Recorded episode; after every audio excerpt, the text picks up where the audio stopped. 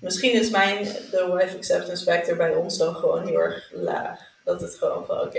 Alles is goed, ja. De, de wife Ja, snapt ja, het ja. al. Ja, precies. Nou, bij jou, Eh, maar goed, ik, ik eh, bij jou zit de baf. de de, de boyfriend acceptance de factor. baf, de boyfriend, de Ja, baf. paf, Klinkt dus paf en dan weet je wel alles. als P is gewoon partner.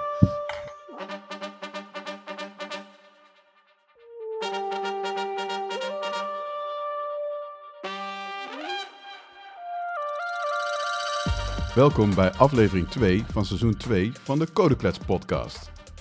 Host voor vandaag zijn Paulien en ik. En we hebben allebei heel veel zin hierin. Toch? Ja, Lijkt me- een hele ja. tijd geleden. Ja, Voor mij dan, voor jou niet zo. Nee, voor mij, nee, dat klopt. Dat ik eh, iedere keer zeg van ja, ik, deze keer die eh, sla ik even over, maar dan... eh toch maar niet, hè? Ja. Je bent wel de main host. Dus. ja Zeker. Zeker. Eh, maar we hebben vandaag Marijn Koesen te gast. Welkom, Marijn. Ja, dankjewel. Eh, jij bent ook werkzaam voor Werkspot, toch? Klopt dat? Klopt, ja. Ja, ik ben eh, net als Paulien eh, software engineer bij Werkspot. En architect. Ik werk er nu al zeven jaar. Dus ik zit er al weer, weer al een hele tijd. Maar het is nog steeds leuk en nog steeds mooie uitdagingen daar. Dus Ja. En wa- wat doe je daar, zeg maar? Je ontwikkelt ja, websites of... we zijn eh, verantwoordelijk voor de website. Dus we maken de website werkspot.nl. Waar je, ja, als je iemand zoekt die eh, bijvoorbeeld eh, een schildering voor je huis. Of je zoekt een tuinman. Of een, er moet een klus in je huis gebeuren. Kan je daar je klus op plaatsen. En wij zorgen ervoor dat de vakman en de consument samenkomen. Er zijn allemaal vakmannen aangesloten. En dan kijken we wie zijn de beste voor jouw klus. En die dan koppelen je aan elkaar. En dan kan je nog verder aanvragen bijvoorbeeld. En eh, uit zo- op, op zo'n manier uiteindelijk een, een vakman bij je thuis krijgen. Maar je kan ze eens vergelijken met reviews en dat soort dingen. Dus eh, we zijn, wij, eh, ja, wij maken die website en eh, alle algoritmes die erachter zitten natuurlijk. En eh, zorgen dat die match eh, goed gaat. Marijn is een beetje de, de main architect, zeg maar, van het, eh het geheel. De Architect. architect. De, ja, de architect. architect. nou ja, we doen het met z'n allen, maar officieel heb Ja, ik die titel wel natuurlijk. Dat zeggen alle architecten, jongen. dat is, ja, we doen het met z'n allen. dan. Ja, nee, nee, maar dat is, ja, oké. Ik snap eh, de rolverdeling een beetje. Maar ik ben wel Ja. meer gefocust op de backend. Dus er zijn, eh, ik denk dat officieel, het zit niet echt een front-end architect, maar ik ben wel meer voor de backend. Dus echt, eh, de- we hebben ook nog infra-team en, dan- en dan de front-end groep. En ik ben samen met Pauline meer de backend. Dus, eh, Oké. En nog wel een paar anderen natuurlijk. ja, natuurlijk. nu met het net alsof tweeën doen we een beetje, een beetje hobbyen. nee, we Dat is zijn, toch eh, wel aardig gelukt. we, zijn, we zitten nu in twee landen. Dus we hebben vijf teams ongeveer in, eh, in Nederland. En er zijn nog twee teams in, eh, in Frankrijk waar we mee samenwerken. Dus het is een internationaal bedrijf. Dus dat is eh ja, superleuk en super uitdagend. En ook superleuk om met al die mensen samen te werken. En ook weer die andere culturen. En, ja, dat is Hoe, gewoon, hoe eh, lang bestaat Werkspot? Eh? Ja, ik denk dat het nu al... 2009 toch, geloof ik? Ja, zoiets. Zoiets. Het is, eh, het is opgericht eh, door, door eh, volgens mij de twee of drie eh, gasten. Ik, ik ben daarna een beetje ontschoten. Maar uiteindelijk is het eh, ongeveer tien jaar geleden, ongeveer acht jaar geleden, is het overgenomen. Eh, en is een nieuw bewind gekomen. Ehm, en daarvoor was het eigenlijk allemaal, werd het gedaan door een consultancybedrijf. Die had het, eh, het hele beheer voor de software in, eh, in, eh, ja, in beheer. En toen kwam een nieuwe CEO en die, hebben toen gezegd, die heeft gezegd, ja, we willen het allemaal in-house doen, want het is onze core business. Dus toen, toen hebben ze een heel development team opge- opgericht en eh, ja, daar zijn wij nu deel van. Ja, en eh, ik, ik meen dat het eh, Tilburg was, toch? Waar het Ja, is klopt, opgericht. ja. Het zat in Tilburg. Echt? ja. Ja, en nu What? zitten ze in Amsterdam. Ja. Brabant! Tilly Ja. Je weet toch? Ja, Tilburg is... Ja goed, ik ben geboren in Tilburg. dus Ah, ik ben eigenlijk kijk. gewoon een Tilburger. Nou, Eh, misschien ken je nog wat mensen die er gewerkt hebben dan. Dat weet ik eigenlijk niet. Want ik ken echt serieus heel weinig softwareontwikkelaars uit Tilburg. Dat is echt Oh. heel slecht. Ik heb er ook... Nee, ik heb er... Nee, nooit gewerkt. Ah, ik weet Echt trouwens niet of dat bedrijf die het dan echt maakte, ontwikkelde, of die ook in Tilburg zat. Want dat was dus weer een extern bedrijf. Dus dat Ja. weet ik niet helemaal zeker. Oh, zo ja. Ja, dat is waar. Maar goed, maar goed wel grappig. Ja. Werkspot is wel bekend gewoon. Dat is ook wel fijn, eh, fijn dat jullie er zijn, zeg maar. Dankjewel. Eh, ja, want, ja, gezellig. Cool, cool, cool. hey, maar uh, dat is ook altijd wat we aan alle gasten wel een beetje vragen. Maar hoe ben jij zeg maar, begonnen met softwareontwikkeling? Uh, mm -hmm. ja, is dat uh, op latere leeftijd na je opleiding of echt heel vroeg? Nee, dat was echt, is echt al vroeg begonnen. En toen ik op de middelbare school zat, of eigenlijk, ik heb de laatste drie jaar van de basisschool in Engeland gewoond. En toen ik terugkwam, toen, ja, toen had ik altijd al interesse in computers en dingen. En toen we in Engeland woonden nog, kregen we ons eerste computer. Nou, vond ik altijd al leuk met floppy disks, klooien, DOS, lopen hacken en zo, weet je wel. Ja, toen gingen we naar Nederland. Toen wilde ik heel graag wilde ik een website maken. En ik had een beetje het idee dat ik een soort van virtual reality wilde maken. En dan ook aan huis kon lopen. En dat dat dan de website was. Maar ja, dat was uh, in die tijd, ja, dat kon helemaal niet natuurlijk. Maar dat was wel mijn doel. En thuis hadden we helemaal geen internet. Ja, precies. mijn eerste website even leren. En thuis hadden we eigenlijk gewoon helemaal geen internet. Ja, je had gewoon van die inbelmodus met van die piepjes en zo, weet je wel. En, en het tellen die altijd meeliep. Want uh, ja, dat kostte geld en uh, je mocht maar zoveel minuten per, uh, per week op internet. En als het op was, dan ja, had je volgende week weer een kans.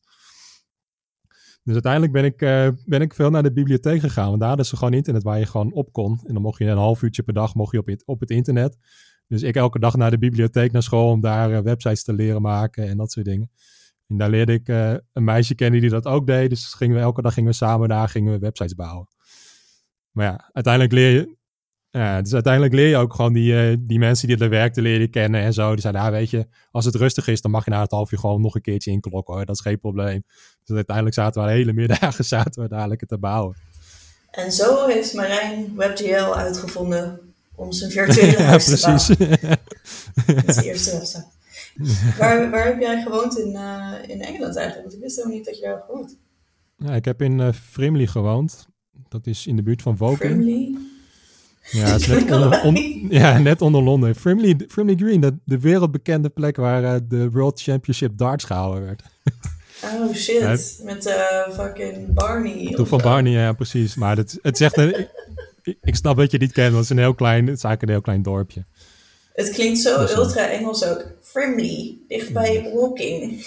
Ik dacht eerst dat het iets, iets Welsh was of zo. Het klinkt als een Hobbiton of zo, weet je wel. Ja. Ja, het was denk ik iets van 40 minuutjes rijden onder Londen. Dus het was... Uh... Dat is echt best wel in de buurt. Ja, voor, voor, Engeland is dat best in de buurt van Londen inderdaad. Ja. Ja, ja dus dat is voor Londen zelfs de beste in de buurt. Als je van Londen naar Londen gaat, dan is 40 minuten best een oké okay, uh, commute, ja. zeg maar. Ja, het was 40 minuten tot de eerste metro-stop. En dan gingen we daar, pak je dan de metro en dan parkeerde je auto en dan ging je... Uh, dus uh, maar goed, het was sneller dan vanaf hier, vanaf Nederland. Ja, dat is waar. Nou ja, en toen, uh, toen daar zo'n websites gebouwd, en toen kwam ik, rolde ik er eigenlijk een beetje in. Ik ging uh, bij het, uh, ik zat op de middelbare school en ik zag al die systeembeheerders daar, die twee lokalen hadden met 30 computers. En dan gingen ze een update doen, dan gingen ze dat handmatig op al die computers handmatig klikken. En toen dachten wij van ja, maar dat kan toch wel wat makkelijker. Dus toen hebben ze geholpen om Norton Ghost destijds te installeren, dat ze dat allemaal konden doen in al die computers.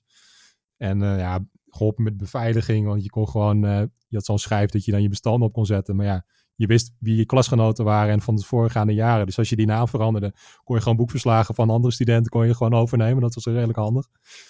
Dus hij daarmee geholpen. En uiteindelijk hoorde ik daar in, in dat ik systeembeheerder was. Dus ik heb, uh, terwijl ik daar op school zat, was ik daar systeembeheerder. En heb ik ze geholpen om het hele administratienetwerk opnieuw op te zetten. Alle domain controllers en zo. Nou, die heb ik vaker gehoord hoor. Het zou je verbazen. Want ik, ken, ik, ik, ik kan even niet op ze komen. Maar ik heb vaker gehoord inderdaad dat, dat er dan één zo'n yogi was op de basisschool. Meestal een yogi.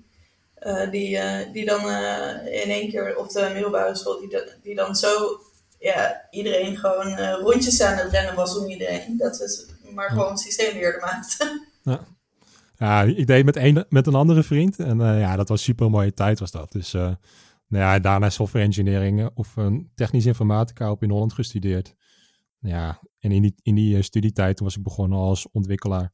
Maakten we websites voor het, voor het ziekenhuis en andere dingen. Dus ja, zo ben ik er uiteindelijk ingerold. Ik wil niet weten wat jij als systeembeheerder van je middelbare school allemaal voor privacy onzin hebt uitgehaald met andermans uh, ja, dat, dat, zegt, dat zegt iedereen altijd, maar eigenlijk ben ik uh, super lief te vertrouwen. Jongen, daar heb ik nooit misbruik van gemaakt. Geen, ik had wel geen Zuckerberg uh. Nou, ik heb wel af en toe een boekverslag. Vandaag daar had ik echt een hekel aan om boeken te lezen over uh, dingen die ik niet boeiend vond. Want ik wilde alleen maar informatieboeken en geen verhalen lezen. Ik heb wel eens een keer een boekverslag. Maar die, die had ik eigenlijk van internet. Want ik kon het dan weer niet met mijn adminrechten gebruiken. Want dat, dat ging dan weer tegen mijn ethische ja, gevoel. Ja, dus ik, kon, ik, kon, ik kon daar niks mee. Dus ik heb echt alleen maar... Ja, die gewoon van studenten. De ethische code. Ja, precies. Ethische code van een puberhacker. Dat is, dat is een goede boektitel, denk ik. Goeie dat, dat is wel... Dat, ik, ik, denk dat je dan best uniek bent. Ik denk dat als ik... Nou ja, sorry. Ik, ik, ja, ik zat als, op middelbaar onderwijs. Was ik, hadden we nog... Tenminste, niet bewust internet. We hadden geen toe... Ja, ik weet niet eens wat mhm. internet was toen, zeg maar. Ik wist niet wat internet was. Maar ik denk niet dat als ik uh, 14, 15 jaar was en ik, ja, dat, ik denk niet dat ik heel veel ethische uh, regels had. Uh, ik heb wel andere, andere niet-ethische dingen gedaan, maar dat was allemaal niet daar op school. nee, oké, okay, ja, ja, ja. Verstandig. Nee, wel, oké. Maar goed, dus zo ben je er een beetje ja, ingerold, zeg maar. Dat is eigenlijk, ja. Ja, ja toen werd ik web, webdeveloper uh, bij de Patient Safety Company. Heb ik daar een mooie tijd gehad en heel veel geleerd. En daarvan ben ik eigenlijk doorgestaan naar Tweakers. Heb ik daar nog uh, twee keer ben ik daar, twee jaar ben ik daar softwareontwikkelaar geweest. Mm en toen ging ik door naar Autotrack en daarna naar Werkspot eigenlijk. En daar Was er niet iemand anders bij ons ook eerst bij Tweakers? Of ben ik nou gek? Nee, we wilden iemand uitnodigen. Nee, nee, nee, bij ons Werkspot bedoel ik. Oh, sorry.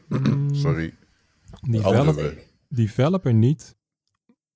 Oh, misschien had ik het dan al van jou gehoord en heb ik dat in mijn hoofd omgezet naar dat er nog nou, Er zijn wel een heleboel mensen. De vorige CEO van, van uh, Werkspot, Ronald Egels, die was eerst uh, directeur bij Tweakers.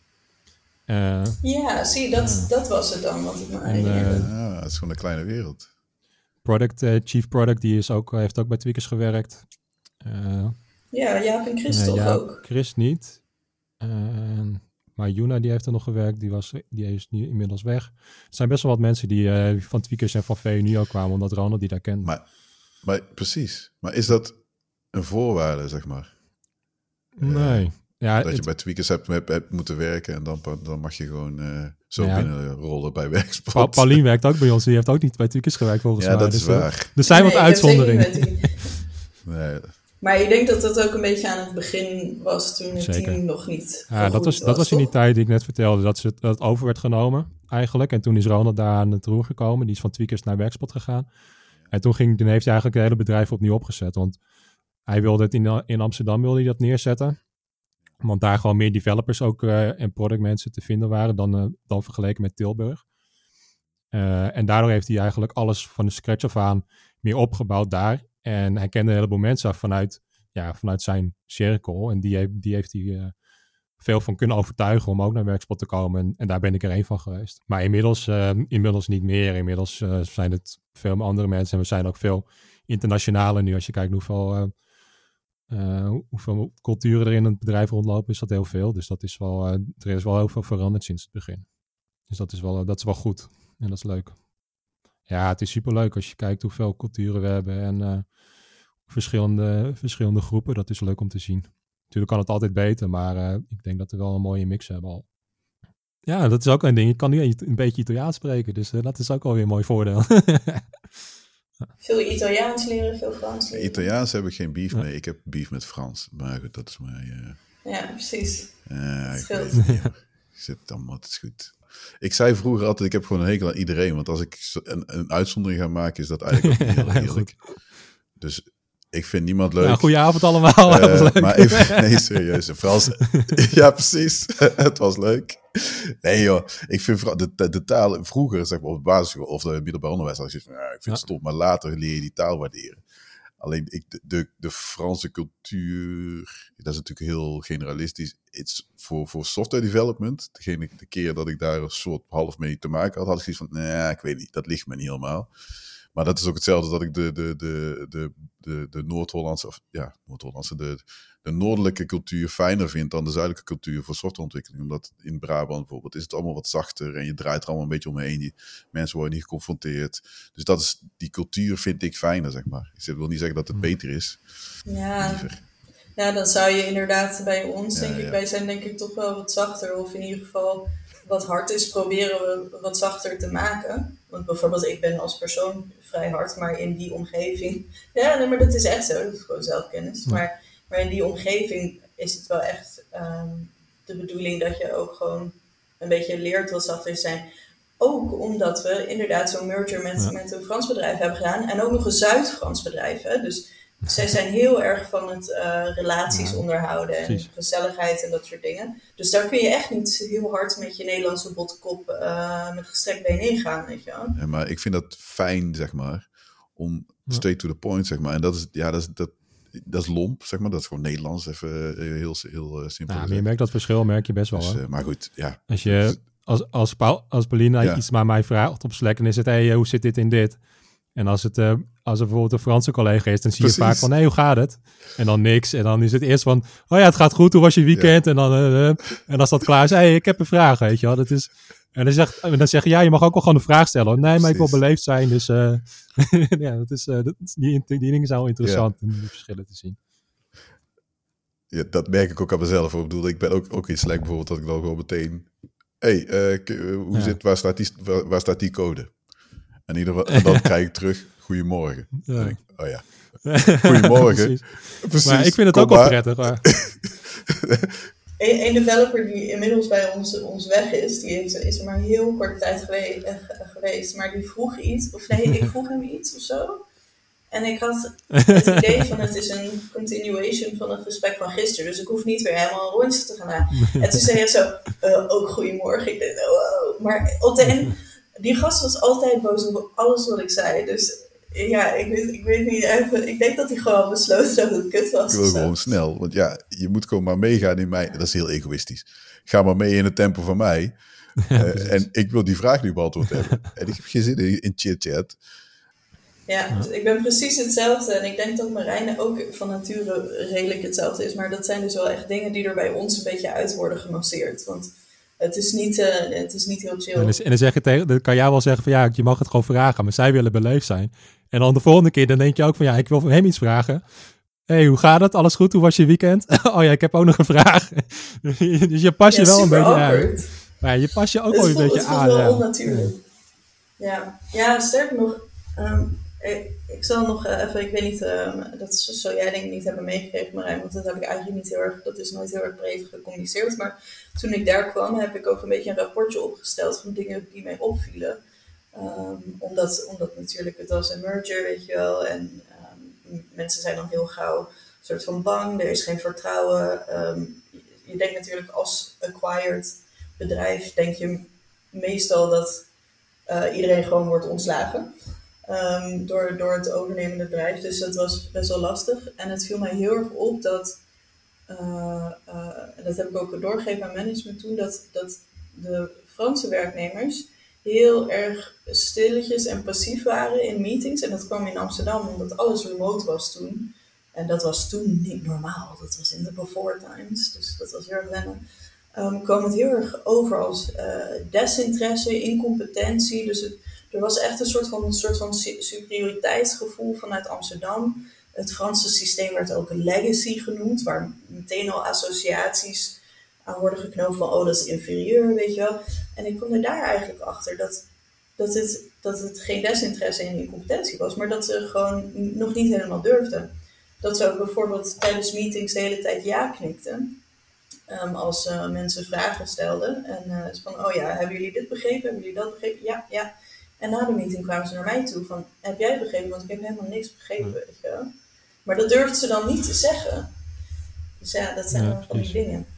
Nou, ik denk dat we sinds de, de, hele corona we, werken we nu allemaal thuis. En ik denk dat dat wel, dat heeft ons ook al veel, qua samenwerken wel veel gebracht. Dat je gewoon allemaal nu allemaal thuis zit. In plaats van dat je een, een kamer hebt met developers aan één kant en een kamer met developers aan de andere kant. Nu is iedereen gewoon een schermpje op het scherm, een vakje. En dat werkt veel beter. Het is veel meer een equal playing field daar. En dat, is, dat werkt gewoon, uh, daar hebben we wel veel van geleerd. Dat was dat was ook zo dat de remote first concept al voor corona, dat, dat, was ook, ik had toen ook zeg maar een, uh, remote communications guide opgesteld op basis van zeg maar daar werken. En dat, dat je dus ook heel erg merkte dat het inderdaad niet goed werkte om een conference room in Amsterdam te hebben. Oh ja, Die dan allemaal tegelijk naar eh, eh, Frankrijk eh, aan het praten waren, zeg maar. Dat werkte gewoon Ja. niet.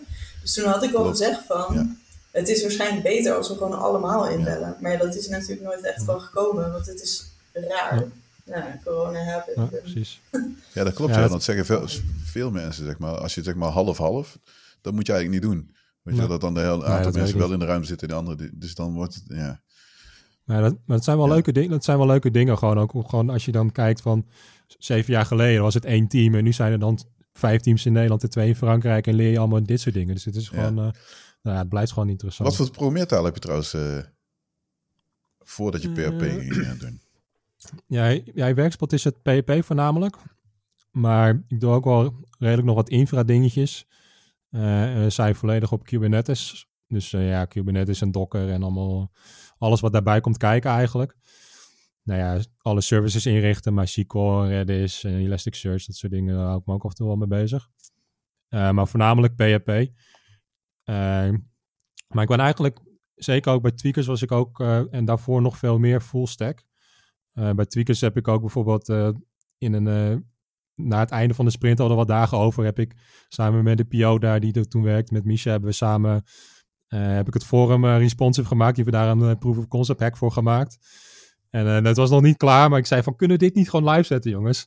Ja, ja, we moeten er iets voor bedenken. Ze kunnen niet gewoon een soort van member feature, dat je daar gewoon, als je, als je member bent, dat je dan een, een beta vla- vlag hebt. Want ik wil het gewoon gebruiken in de trein. Ik wil gewoon als ik in de trein ben, dat ik het forum gewoon responsive heb.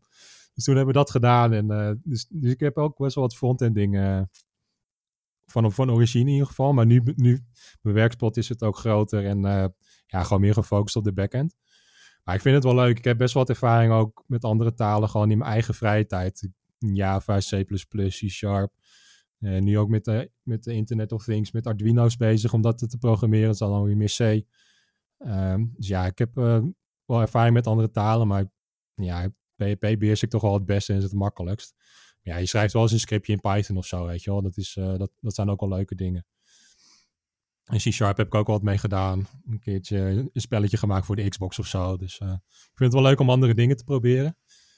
Ja, functional heb ik wel een paar keer geprobeerd, maar heb ik- zit ik niet echt heel erg in. Dat wil ik nog steeds wel een keer doen, maar ja. Zoveel, zoveel, zoveel echt- leuke Je moet er dingen. echt even induiken dan. Ja, precies. Je, je hebt van die... eh, Maar als je echt een andere paradigm gaat, eh, ingaat, dan eh, moet je er echt eh, in je gaan. Je hebt volgens mij elk jaar, ik weet niet meer precies hoe het heet, heb je die code, eh, soort code challenge richting kerst. Heb je al die, Ja, al die die dingen. Ik weet, niet meer, ik weet niet hoe het heet. Die heb ik ik zeg het altijd gedaan. verkeerd. De advent of code. Ja, die ja. In één keer goed. Ik zeg altijd, normaal gesproken zeg ik code of advent, maar dat is niet goed. Dus Ja, we, hebben, we hadden zo'n leaderboard ook bij Codeklets gedaan. Toen is dat eh Bernard Ah, had cool. die eh, gedaan. ik ben na de vierde ronde, ben ik Mhm. boos afgehaakt. niet zozeer, ja, de opdracht was volgens mij, nee, die was trouwens niet, het ging niet om de moeilijkheid van de opdracht, maar ik, ik had die tekst gelezen. Ik zeg van, ja, dit is gewoon stom, dit klopt gewoon niet. Wat die opdracht, nee. Want ik had, je kunt al wat, wat hints, zeg maar, want je ziet dan hoe Mhm. andere mensen het opgelost hebben.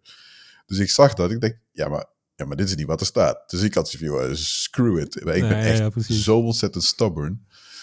dus toen ben ik afgehaakt. Dus misschien dat ik nog een keer weer eh inga. Maar dat is wel leuk. Het is wel leuk. En dan, wat dan mensen soms doen, is dan, ja, misschien wat je dat ook eh bedoelde, is dat je dan een andere taal dan die je Ja, normaal precies. gebruikt, dat je die gebruikt om even eh, kennis te maken. Dan. Ja, en dat probeer ik dan om dat weer functional op te lossen. Ja, precies. Het is niet echt een kerstige attitude. eh, Met een moslim. Dat was eigenlijk. Oh ja, fair enough. ja, ik, ik dacht, eh, dat, is, dat is echt vals.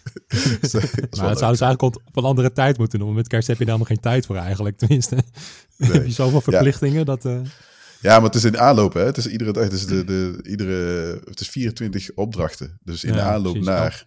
Vanaf Elke 1 dag één, december. ja, klopt. Van 1 eh, december. Het is Ja, wel twee trouwens. een heel goed excuus om, om weg te lopen van het familiediner als er drama is. ja. Misschien doen ze het daarom tijdens kerst. Misschien was er één developer die dacht, fuck Ja. dit, ik ga ja, dit dat is wel waar. Nou ja, nee, het is wel, wel het, is, het is echt grappig, ja. Maar het is leuk om, een, om, om daarmee juist een nieuwe taal te leren. Omdat het leuke, leuke puzzeltjes zijn, zeg maar, waar je gewoon weer, eh, Ja. ja. weer iets, iets nieuws kan leren.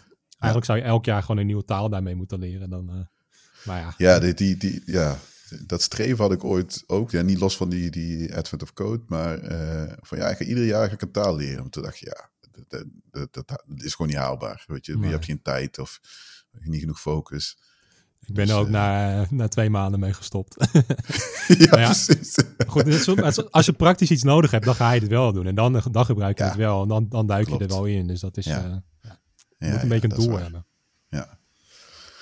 Maar je zei net al iets eh, over Internet of Things. En misschien is dat wel een goede brug. Ja, ja want ehm, de reden dat wij Marijn eigenlijk hebben uitgenodigd is omdat eh, hij heeft een keer eh, bij ons op werk heeft hij een, eh, een heel goede workshop eigenlijk gegeven over home automation. Ehm, en we hebben ook een home automation channel op Slack en dat soort dingen. En hij heeft eigenlijk heel erg goed uitgelegd. Hij heeft een soort van heel ecosysteem gemaakt in huis. Mhm. met verschillende tools. Dus het gaat iets verder dan, ja, ik heb wat Hue bulbs en een Philips Hue hub. En eh, ik kan met mijn telefoon dingen aan en uitzetten. Ehm, dus eh, ja, hij heeft dat heel goed uitgelegd. eh, Wat de hele stack is en hoe- wat het inhoudt. Dus het leek mij heel leuk als hij daarover hier ook kan vertellen. Want ik vond het super Mhm. interessant. Ik vond vooral de, de stack, want ik probeer er nu ook een beetje in te komen. En een vriend van mij die heeft dan gezegd van oké, misschien kun je het beste de IoT-stack gebruiken. Want dat is dan zo'n stack met nou, veel van de tools die jij ook Mhm. gebruikt. Ehm, maar dan een soort van kant-en-klaar pakketje. Maar jij hebt dit echt wat meer from scratch gedaan, toch? Ja, ik gebruik zeg maar, het, het, het principe waar ik vanuit ben gegaan bij het opzetten daarvan is dat ik wil dat het open is. Dat het open source is, dat, het, dat je er gewoon bij kan, dat je de controle erover hebt. Maar ook dat, je, dat het veilig is en dat je, dat je het binnenshuis houdt. Dus ik, ik wil liever niet dat mijn devices met, eh, met China of met Amerika praten en dat iedereen daarbij kan eh, vanuit andere bedrijven, zeg maar. Gewoon dat het gewoon binnenshuis is. En ik ben een developer, dus ik wil, ik wil wel dat ik wel wat controle erover heb.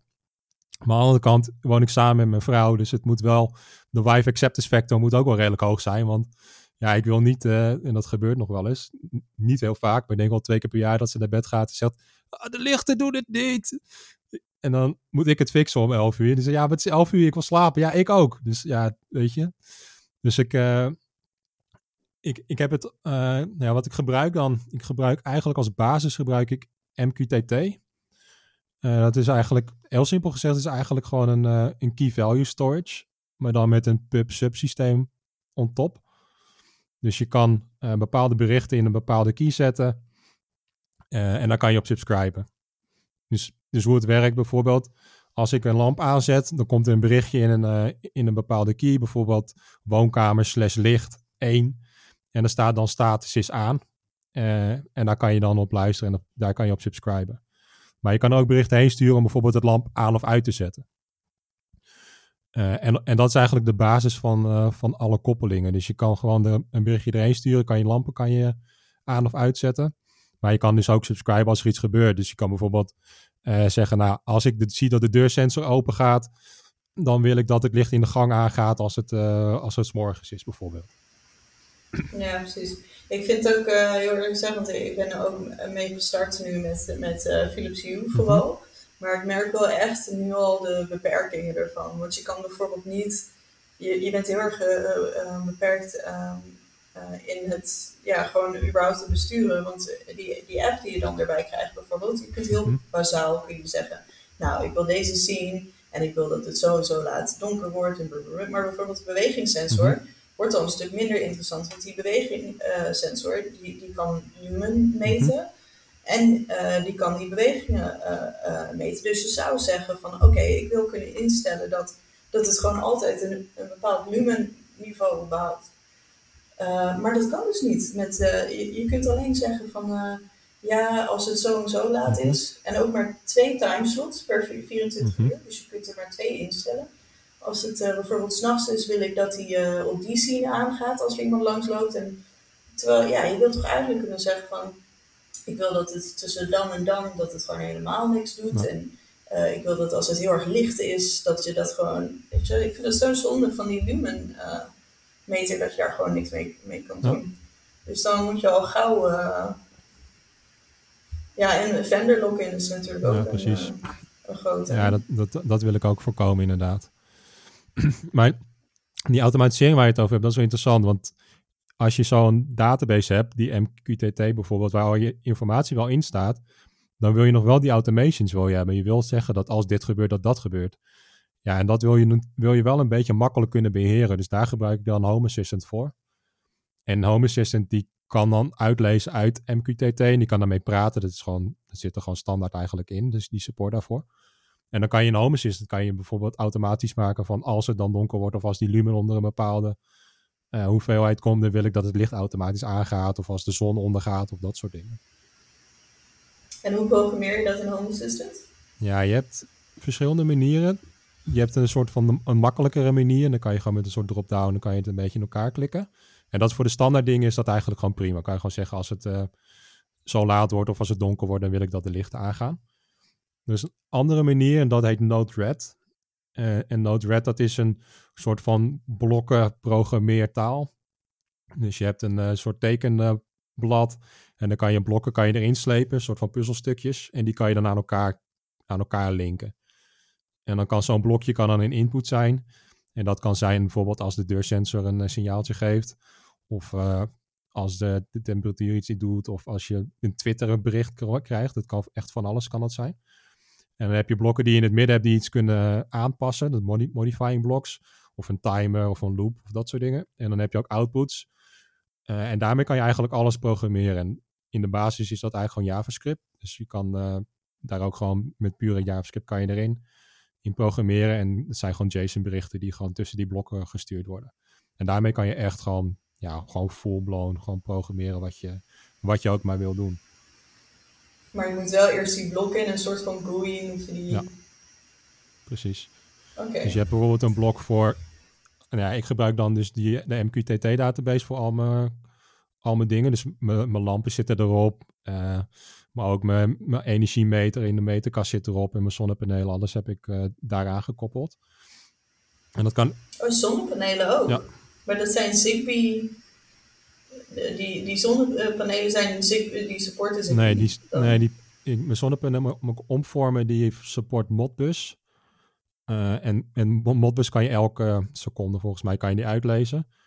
Dus ik heb een, uh, ja, dat is dan in Python uh, scriptje gemaakt. Dat was een library voor Modbus makkelijk. Met een Docker container. En die draait gewoon op een server. En die leest elke seconde leest die zonnepanelen uit. En die stuurt het vervolgens weer door naar MQTT. En die kan ik dan weer uitlezen in, in mijn Home Assistant. Ja, je hoeft natuurlijk helemaal niet al je devices Zigbee, nee.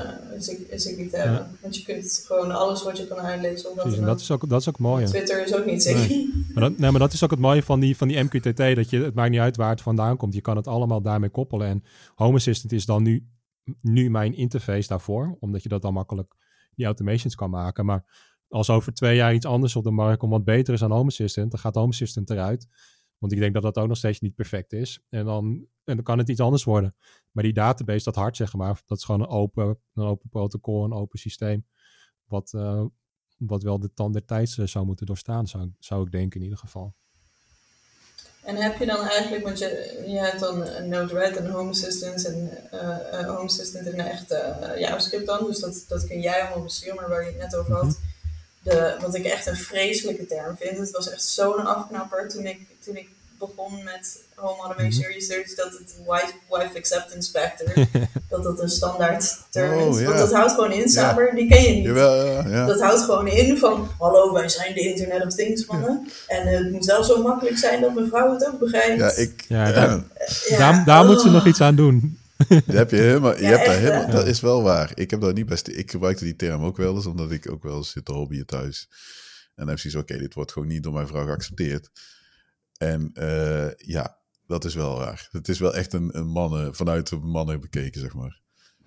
Ja, ik vind het wel, het is, het is natuurlijk een grappige term, maar niet als je zeg maar, weet je wel, ik heb die issue niet. Ik heb die issue met Nee, nee, nee, daarom. Dus dat, voor jou is het een... Uh, dus dat is ja, echt, ja. Een paf. Ik, ik ben de wife. Ja, precies. Ja, precies. Misschien is mijn, de wife acceptance factor bij ons dan gewoon heel erg laag. Dat het gewoon van, oké. Okay, Alles is goed, ja. De, de wife ja, snapt ja, het ja. al. Ja, precies. Maar bij jou, Uh, maar goed, ik... ik uh, er bij jou zit de baf. de, de boyfriend acceptance factor. de baf, de boyfriend. De Ja, paf, Klinkt dus paf en dan weet je wel alles. De P is gewoon partner. Ja, dat is, Ja, dus je moet dat spousal. gewoon doen. Dat is een stuk beter. Paf. Of gewoon family. family. Ook de Dat is wel een veel betere. Want, juist, daar heb je wel gelijk in. Want mijn, mijn kinderen vinden het ook niet tof als de wc. eh, dat het daar weer iets misgaat of zo. Dus dat is wel een goeie. Ja. Ja, precies. Eh, maar ja, ik, eh, ik eh, eh, draaf een beetje door. Wat ik eigenlijk wil vragen is, eh, want je, je hebt nou voor jezelf eigenlijk een interface voor alles.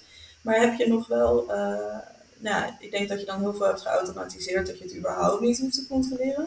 Maar heb je dan nog wel ehm, iets van een interface te draaien ergens dat zij ook eh handmatig Mhm. dingen nog aan of uit kan zetten? Ja, ik heb best wel wat dingen geautomatiseerd. Maar, dat, maar ook een heleboel dingen niet, zeg maar. Da- Daar ben ik ook nog wel een beetje, beetje oldschool voor. Maar bijvoorbeeld als we... Er is automatie, die heb ik gemaakt als je naar beneden, vanaf boven naar beneden gaat naar de woonkamer. En het is donker en het is eh, tussen zes en, eh, en acht uur s morgens. Dan gaan we, en het is weekend bijvoorbeeld. Of nou ja, door de week zo ook. Dan, gaan dan zijn we katten aan het, aan het eten geven. En dan gaat het licht in de woonkamer aan. Maar dan heel, heel zacht, zodat je niet meteen wakker bent, zeg maar. Dat soort dingen. Dus daar zitten we automatisch in. Maar ik ben ook gewoon dat als ik de kamer inloop, dat ik gewoon het licht aan wil doen als ik, als ik naar beneden ga, zeg maar. Dus in, in de gang bijvoorbeeld kan het licht wel automatisch aangaan. Maar als ik in, eh, in de, naar de studeerkamer ga, dan, eh, dan druk ik gewoon net zo makkelijk op het knopje op de muur en dan gaat het licht aan, weet je wel. Kan je een sensor hebben, maar ja, dan als je dan stil zit en je bent eh, bezig, dan gaat het licht soms weer uit. Dan moet je weer gaan zwaaien van, oh, wil je het licht weer aanzetten voor me? Dus ja, en als je gewoon een schakelaar hebt, als je de, als je de kamer binnenkomt, je doet hem aan en, dan, eh, en dat gaat aan en je gaat weg en je doet hem uit, dan is het ook prima, weet je wel. Dus ik heb nog, Maar je, je hebt geen, eh, wat, wat Philips Hue bijvoorbeeld heeft en wat dus ook in die Internet of Things, eh, eh, of nee, in die IoT-stack zit, is dat, dat je gewoon een kleine GUI hebt voor op je telefoon. ja, dat heb ik ook. Heb Ja, dat heb ik ook wel. Oh, Oké. Ja, oké, Dus maar het telefoon doen. is, dus, is wel één stap extra. Ja, nee, dan gaan we verder. Maar- ja. Ja, dus dat kan ik doen. Eh, en dat gebruik ik eigenlijk bijna nooit, omdat ik gewoon... Ja, ik heb gewoon zo'n schakelaar en we hebben van, I, van Ikea heb je die, eh, die, die Tradfree. Ja. Hoe, hoe je dat ook uitspreekt. Niet op mijn allerbeste eh, Zweeds, maar die, eh, gewoon zo'n remote, weet je wel. En die ligt gewoon op de, op de woontafel, op de eettafel eigenlijk. Dus je loopt de kamer in, je drukt gewoon op een knop en het licht staat aan. Ja, dat, en dat gaat sneller dan de telefoon. Tradfree.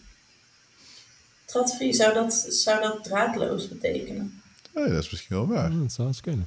Ja, Iets van dat, draadvrij ja, dat moet wel. Die had ik echt Oh. serieus. Nee. Het is echt een, het is een til. Nou, het zou je verbazen, het zou je verbazen als je, ik ben één keer in Noorwegen Ja. geweest en, en als je Nederlands, Engels en Duits een beetje eh, Mixed. wilt, dan kun je bijna alles lezen. Het is echt bizar. Ja, ik weet ja. Maar goed, Ja. eh, het wel weer af. Maar, maar even, dat is wel, wel, een, wel een goeie, zeg maar. Dat je niet alles wil automatiseren. Maar goed, wat, wat jij nu net zegt van die, ja, hoe noemen ze dat? Presence detection of zo. Dus dat iemand Mhm. aanwezig is. Ja. Want, want ik dacht altijd van, ja, dat is eenvoudig, weet je wel. Net, ja, je, had, je had het net over die motion sensors. Mhm. Maar soms wil je, ja, is motion sensor niet genoeg. Soms wil je gewoon weten, er is een persoon, zeg maar. Precies. En, eh, en ik heb er wel eens over nagedacht van, oké, als ik dat goed wil doen, dan zou ik overal camera's moeten ophangen. Ja, nou leuk, dat iedereen die bij mij thuis komt, die denkt, oké, wat ben je aan het filmen? Dus Precies. dat, dat, dat moet je dus niet hebben. Dus de, er zijn volgens mij niet goede alternatieven voor, voor, voor camera's, waarmee je echt kunt zeggen, oké, Jantje zit daar, zonder dat je allerlei eh, privacy eh, dingetjes eh, schendt. Ja, Ja, het dichtstbij waar ik kwam is dat je gewoon heel veel motion sensors gebruikt en dat je gezegd van, oh, als iemand net van die motion sensor naar die motion sensor naar Ja. die motion sensor is, dan betekent dat dat ze eruit zijn. Maar ja, dat is ook Ja. een soort van Ja, giswerk. precies. Ja, als, als, ik- als we met z'n tweeën de studeerkamer inlopen en eentje gaat naar boven, Ja. ja. dan zit ik nog steeds beneden. Ja. Maar je hebt ook al van die beacons en dan kan je met je telefoon kan je dan. ja, Maar ja, dan moet je altijd je telefoon bij je hebben. ja. Ja, ik heb dat met die, deze, de- deze, dit, ja, dat is zo'n eh, Apple Watch, zeg maar. Dat valt nog, tenminste, ja, ik heb al lang niet meer verdiept, maar dat, dat vind ik jammer, want dat, dat ding heb je altijd om. Mhm. En daar, ja, de API's, ik ken al die API's niet, maar daar zou je best wel veel aan kunnen hangen, zeg maar. Dus dat je zegt van, oké, Ja. als, dat, als dat ding in de buurt van een schakelaar is, dus stel dat je zegt van, ik heb mijn horloge aan en ik kom in de buurt van eh, lamp X of zo, dat hij dan slim de juist die knop laat zien, zeg maar. Van oké, je kunt nu Hmm. deze lamp bedienen. Dus dan is het eigenlijk hetzelfde als eh, eh, een schakelaar, gewoon een echte schakelaar, maar dat, Mhm. die is gewoon, ja, gewoon, hoe zeg je dat? Niet interactief, maar dat, dat is een term voor, maar goed, whatever. Ja, En, en de VEF dan? Want dan moet de hele VEM eh, ja dat, de VEF dat, eh, dat, moet, eh, nou ja, ik, hebben. wat, wat, ik weet niet of jullie dat ook bedoelen, zeg maar. Ik vind wel dat je eh, allebei moeten Dus dat je zeg maar nog steeds normaal een schakelaar hebt, aan en uit, Zeker. zoals iedereen kan bedienen. En Maar dat je ook daarnaast middels jouw horloge of all- whatever andere Zeker. eh, eh, kunt Ja. gebruiken. Dat, is wel, dat lijkt mij dan misschien de best of ja, het both worlds. Maar dan in plaats van, in plaats van een motion sensor überhaupt. En niet Ja, dan ja. natuurlijk. Ja, ja, want anders Ja. dan ja, Maar goed, dat, Ja. dat- daar heb ik verder geen ervaring. Ik heb er wel eens over nagedacht. Ik dacht van oké, dat zou conceptueel zou dat moeten kunnen werken. Alleen ik heb daar nog nooit iets eh, van gezien. Dus ja. ja. Ja, ik denk dat het, eh, dat het wel kan werken, maar er zijn zoveel edge cases dat het dan net weer niet werkt. En hoe lang ga je hem dan aanhouden en dan, en dan beweeg je niet. En dan zit je op je computer en dan beweeg je niet genoeg en dan moet je zwaaien, dus dat wil je niet. Dus dan zeg je, oké, als ik 15 minuten niks zie, dan gaat de licht uit. Ja, dan ga ik de camera uit. Er staat 15 minuten staan de licht aan, terwijl ik al 15 minuten boven zit, weet je wel. Dus ja, dat is, eh, ja, ik denk dat eh, inderdaad camera's, denk ik, is de enige hittecamera's misschien wel zoiets. Maar ja, ik heb, dat, eh, ik heb gewoon een switch bij me, gewoon de normale switches. Die heb ik al vervangen trouwens. Ik heb gewoon van die Philips, die dimmer switch met die vier knopjes, die aan, uit, zachter en hoger. Die, eh, die heb ik vervangen. Of tenminste, die, eh, die switch op de muur heb ik vervangen door die. Eh, en daardoor blijven mijn Philips Hue-lampen eigenlijk altijd aanstaan. En, en, gaat het, en werkt het systeem omdat ik het dan daarmee kan controleren. Dus die schakelaar in de muur heb ik eruit gesloopt. Die heb ik gewoon allemaal verbonden dat eigenlijk de lampen altijd aanstaan. En vervolgens een plaatje erop met die, eh, met dimmer switch. En daarmee bestuur ik dan via het Hue-protocol, via Zigbee eigenlijk, bestuur ik allemaal lampen. En dan kan ook niemand per ongeluk alles uitzetten. Ik heb dit eh, zo met mijn vriend dat hij heel vaak eh, bij, in één kamer hebben we ook nog een normale dimmer. En, en die, eh, die, die bulbs die gaan niet goed op dimmer. Het moet of aan of uit. Dus heel vaak dan hoor je een Mm. of het loopt heel erg te flikkeren. En dan denk ik, oh, hij heeft hem weer. Maar het, het grappige is, zijn vader doet blijkbaar precies hetzelfde. Mijn schoonmoeder wordt er ook helemaal gek van. Mhm. Die, die wil ook een mooie setup hebben, die is ook een technischer. Ehm, en die, die heeft nu ook eh, het issue dat elke keer komt hij binnen en gooit dit weer uit. Ja, weet je wel. precies. Ze zegt, waarom doe die lamp het niet? Ja, dat is, dat is echt irritant, want dan wil je die lamp uitzetten en dan doet hij het niet. Maar waar ik nog, nog, meer probleem, nog meer probleem mee had, was eigenlijk dat die, als je Zigbee-netwerk hebt thuis, met die Philips Hue-lampen bijvoorbeeld, dan geven die zelf ook dat signaal door. Dus als jij eh, beneden een lamp hebt en boven heb, heb je een lamp, kan je beneden de lamp van boven, kan je die besturen, omdat die lampen die signaaltjes naar elkaar doorgeven. Dus ze maken, net, eh, ze maken een netwerk dat ze die berichten doorsturen naar elkaar. Maar als jij opeens een lamp uitzet, dan wil die ene lamp nog steeds dat bericht naar die lamp sturen, maar die staat uit. Dus dan komen er soms berichten niet aan en er gingen lampen, de, dan werd het hele netwerk raakte in de war. Eh, en toen had ik heel veel problemen met, eh, met, het, met het besturen van alle, alle lampen. En sindsdien ik eigenlijk al die lampen nu altijd aan heb staan, is het netwerk gewoon hartstikke stabiel en gaat het gewoon hartstikke goed. Dus eh, Ja, ja. dat is ook, dat is denk ik, ehm, dat zal, dat is een aanname hoor, maar dat, ik, ik gok dat bijvoorbeeld eh, zo'n eh Philip Hue Bridge, ik noem het net een hub, maar het is een bridge, dat hij dat soort van, dat hij daar dan een workaround voor heeft of zo. Maar ik kan me voorstellen dat als je zelf met MQTT werkt, dan heb je gewoon een queue inderdaad aan messages. En dan moet je zelf op een of andere manier toch zorgen van inderdaad dat als er iets niet aankomt, dat het dan opeens niet als alles weer aangaat. Oh ja, dat In één keer aan, uit, Ja, aan, uit, ja. aan, uit, dat die Ja. state helemaal in de war Ja. is. zit in MQTT. eh, Tenminste, ik weet er niet genoeg van. Maar volgens mij zit er in MQTT wel dat je zegt: eh, het is fire and forget. Dus het maakt me niet uit. Ik stuur een bericht. Mhm. Als iemand er iets mee doet, tof. Als niemand iets mee doet, dan zal het maar worst wezen. En je hebt ook volgens mij een, eh, een modus dat die minimaal één keer aankomt. En eh, er is nog een modus, whatever. Dus er zit volgens mij wel in dat protocol zit er wel iets in om te, zeker te zijn dat het aankomt. Dit, dit, dit is sowieso een queuing mechanisme wel handig. Maar volgens mij met MQTT was het ook. Ik weet niet waarom ik dit weet. oh ja, nee, ik weet het weer. Nee, nee, maar die, die, die Shelly's waar, ik het eerder over... Dat, daar zit ook zo'n ding in. Ik, was die, ik had die een keer moeten configureren. Toen heb ik een keer gekeken van wat betekent dit nou? Verder niks meer mee gedaan. En dan, dan zijn een aantal modussen zeg maar voor MQTT om Ja. dit soort scenario's te voorkomen. Ah, nee, je lampen die spreken alleen niet MQTT zelf. Dus Nee, er zit iets nee. tussen die, dat heet dan Zigbee to MQTT. En dan kan je met een, ja, dat is gewoon een USB-stick eigenlijk in je computer die dan die signalen kan sturen en versturen. En die is daar eigenlijk verantwoordelijk voor. Dus die moet weten van, oh, die lamp staat uit en dan ga ik nu het bericht ga ik bewaren en zo. Uh, en dat is een open source project die je, kan, uh, die je gewoon kan downloaden en gewoon uh, op zo'n stick kan zetten en op je computer. En dan, ik, ik, ik had nog twee vragen die ik heel graag wil stellen. Ik vroeg me eigenlijk af, wat, je zei net al zonnepanelen, dat vond ik zelf wel best wel vet. Maar wat is het vetste wat je nu in je home automation setup hebt en wat zou je nog graag willen doen? Hmm. Nou ja, gewoon wat, wat al een vette gadget is, is dat je dat ik nu uit kan lezen inderdaad wat ik gebruik aan stroom en wat ik opwek en wat ik teruglever en dat je dat gewoon real-time hebt. Uh, dus ik lees uh, elke, ja, volgens mij is het elke twee seconden lees ik mijn uh, meterkast uit. Dan weet ik hoeveel ik koop van het net en hoeveel ik teruglever. En dat gecombineerd met mijn zonnepanelen weet ik precies hoeveel je gebruikt en wat je... En daar kan je dan weer gewoon kijken van hoe zuinig zijn we en wat zijn de dingen die we kunnen verbeteren in ons, in ons dagelijks gebruik en dat soort dingen. Dus dat vind ik wel, wel vet. En daar heb je mooie grafiekjes van, van oh de zon die doet het vandaag goed. En dat, is gewoon, dat is gewoon vet om gewoon te zien, zeg maar. Um, trouwens, die projectjes, als je die wil zien, staat allemaal op mijn GitHub. Kan je GitHub Marijn Koesen staat ESP P1 meter en die, uh, en die Solar Edge modbus voor de MQTT staat er ook op. Um, ja, als iemand dat uh, luistert, denkt, oh, dat wil ik ook. Er staat, is allemaal open source. Maar dat zijn, dat zijn wel vette dingen. En gewoon die handige automaties van, nou ja, wat ik net zei, dat je, dat je naar beneden loopt en dat, je, dat het licht gewoon heel zacht gedimd gaat als je de katten eten geeft, s morgens om kwart over zes. En dat je niet meteen het licht aan hoeft te doen, dat je meteen verblind wordt. Dat zijn handige dingen. Dus dat zijn, uh, dat zijn wel de dingen die, ik, uh, die voor nu het handigst zijn. Want, maar die auto, die, die heb je ge, gebouwd of geprogrammeerd eigenlijk in, in in wat? In, die heb ik in Node... want je zei net een ja, die ik heb in ja, precies, gebouwd. Ik denk dat het misschien zelfs wel met de normale, met de normale GUI kan, dat je gewoon heel makkelijk in elkaar kan klikken hoor. Ja, dat soort dingen um, kunnen ook uh, met, met die dat... Philips Hue app. Dat, dat zijn dingen die best wel makkelijk kunnen ook hoor. Ja. Alleen heb ik het wel weer niet met de Philips Hue ding, maar ik heb een uh, Xiaomi deursensor bijvoorbeeld die ik dan gebruik.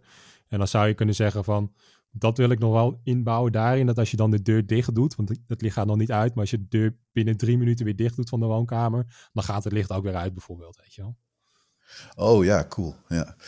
Ik, dat was, goed, dat was een, want ik ben eigenlijk heel slecht in dit soort slimme dingen verzinnen. Weet je wat? Ik vind, mm -hmm. als iemand zegt van oké, zo bouw dat, dan ja, oké, dat kun je dan bouwen.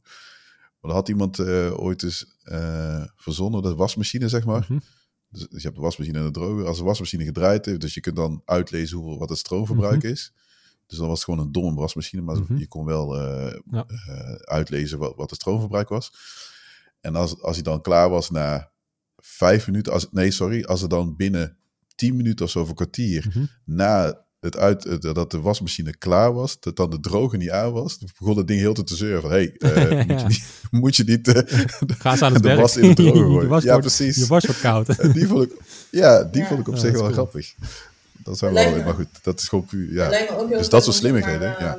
Uh, wat je ook hebt is uh, vochtigheidsgraadmeter in plantenbakken en dat soort dingen. Dat je dus automatisch plantenwater kan geven. Oh ja. Ja. Ja, dat lijkt me ook wel vet. Ja, dat wil ik ook nog wel een keer bouwen. En ik wil ook nog wel een keer het alarmsysteem uh, een keertje afmaken, waar ik uh, ooit een keer aan begonnen Ja, dat lijkt me ook wel lastig hoor. lijkt me erg moeilijk. Oh. Omdat je met allemaal dingen rekening moet houden. Ja, dan kom je weer in diezelfde ding dat je moet weten wie thuis is. Maar ja, je kan zeggen, weet je, als we allebei naar bed zijn en ik zie dat de voordeur open gaat, dan gaat, het, uh, dan gaat er een alarm af bijvoorbeeld. Of als ik zie, of als ik zie dat er iemand op de trap loopt of, of dat soort dingen. Dus dat kan je ja, redelijk eenvoudig kan je dat denk ik wel doen. Maar ja, we hebben ook een schoonmaak, uh, schoonmaakster, die komt ook af en toe. Dus die wil dan ook weer niet dat die dan afgaat. Dus hoe ga je dat allemaal weer doen? En als er één niet thuis is, die heeft de telefoon niet bij zich. En ja, dat zijn allemaal van die edge cases, zeg maar. Of je, je komt thuis een keertje laat uit de kroeg en je batterij is leeg. Dus hij ziet niet dat je thuis komt en dan gaat wel weer af of niet. Dus er zijn allemaal van die edge cases die daar... Uh, wat je, wat je wel zou kunnen doen, want ik, ik had een keer onderzoek gedaan naar, uh, naar van die smart locks en zo. Mm -hmm. En er zijn heel veel die hebben een fallback uh, met zo'n zeg maar dialpad kastje buiten. Dat je dan, dus bijvoorbeeld schoonmaker zou je dan een code kunnen geven waar die ook weer een soort van state zet. Mm -hmm. Van oh, er is iemand thuis nu, er komt iemand thuis. Ja, precies. Ja, ik zat te denken om dat ook binnen te doen of zo. Ja, dan denk je ook weer, dan heb je binnen zo'n kastje met, met cijfercombinatie die je dan in kan drukken. Ja, dan denk je ook weer, ja, er komt er een, uh, komt er een boef binnen en die trek je meesterkast open en die zet gewoon de stroom uit. Dus ja, wat gaat er dan nog aan, weet je wel? Dus ja, dan zit je ook weer te denken van, moet je dan dan, hoe ga je dat doen? Want je komt binnen bij de meterkast en dan gaat het alarm aan en dan... Ja, ja maar dan moeten ze maar net weten. Ja. Uh, misschien moet je dan toch een soort van security through obscurity of zo, dat je het dan ergens neerzet waar ze niet meteen, ja, ja tenzij een soort van Ocean's Eleven, dat ze van tevoren een blueprint van je huis hebben. Zo. Ja. Dat ze door alle laserbeams heen gaan. Een server met een, uh, echt, echt. met een power supply en dan in een kluis met een uh, cijferslot daarop. Dat, ze, ja. dat is trouwens wel, ja, dat, ik, dat is wel, er zijn, dat is één ding wat hier wel draait op een UPS, USP, UPS, ja, UPS. UPS. Dus mijn server, zeg maar, gewoon het, het ding. Maar daar heb ik sinds nou ja, twee jaar had ik ook mijn Raspberry Pi zeg maar, eraan gehangen. Mhm. Want dat is gewoon puur om die, uh, ja, dat licht wat je nu ziet, dat gaat via Zigbee. Voor, ja, Zigbee. Mm Raspberry Pi hing eraan, omdat het ding, ik had wel eens als een stroom om een of andere reden, als die uitging, dan was die Raspberry Pi, moest dan weer uit. En als je dat te vaak doet, dat vindt hij niet mhm. leuk, zeg maar. Dus ik had zoiets van, oké, ik hang hem ook daaraan. Dus dan nou, stekker voor gekocht. En ik dacht eerst ook, van als de stroom uitgaat, dan ga ik ooit een keer zorgen dat ik met een uh, simkaart en zo'n stick, ja, zeg maar, ja, dat ik een, een sms'je ga sturen. En toen dacht ik, oké, en dan? Weet je, ik bedoel, want dan stuur ik een sms'je, maar uh, ja, dat, is, dat, is, allemaal gedoe om dat allemaal mogelijk Als ik thuis ben, dan weet ik het. Als ik niet thuis ben, dan kan ik er niet bij. Ja, precies, ja. ja. Dus toen dacht ik van, ja, oké, moet dat nou echt? Dat, dat, dat, ging me weer te ver. Dus er zijn, er zijn wel dingetjes waar je denkt, oké, volgens mij schiet je hier door. Is het nog wel praktisch of is het, ja, maar het zijn wel leuke dingen. Maar het, ja, nee, zeker, tuurlijk. Voor ons als, ja, weet je, als softwareontwikkelaar denk je, oh leuk, vleugelwerk, een beetje spelen. Maar het moet ook wel, wel praktisch blijven. En je zou, je zou natuurlijk vanuit buiten, ja, dat is natuurlijk ook weer privacy technisch lastig, gewoon overal camera's ophangen en daar wel gewoon uh, uh, weet gezichtsherkenning en weet ik wat allemaal uh, mm erop loslaten. Of je kunt een model trainen en zeggen van, oh, die, zonder gezichtsherkenning, oh ja, dat is Paulien staat daar. Of uh, uh, daar is dat, uh, weet ik veel, mijn zoontje of zo staat. Dus dat zou je kunnen doen, zeg maar. En dan weet je of er een, een inbreker is of niet. Snel rolluiken naar beneden. Maar goed. Ja, dat, ja dus daar moet je echt veel, veel voor doen. Dus dat, ja, of dat nou echt haalbaar is, dat weet ik niet. Ja, ja. ja ik denk dat het een moeilijke blijft met, met alarmsystemen. Ja, oh ja, eentje, ja, dus, dan hou ik even op. Er, was, er is een tijd geleden, daar is wel heel veel backlash op gekomen. Er was een of andere, uh, hoe heet dat bedrijf? Die is van Amazon, die, die maken ook allemaal van die IoT-dingetjes. Mm -hmm. uh, een, een, dochterbedrijf.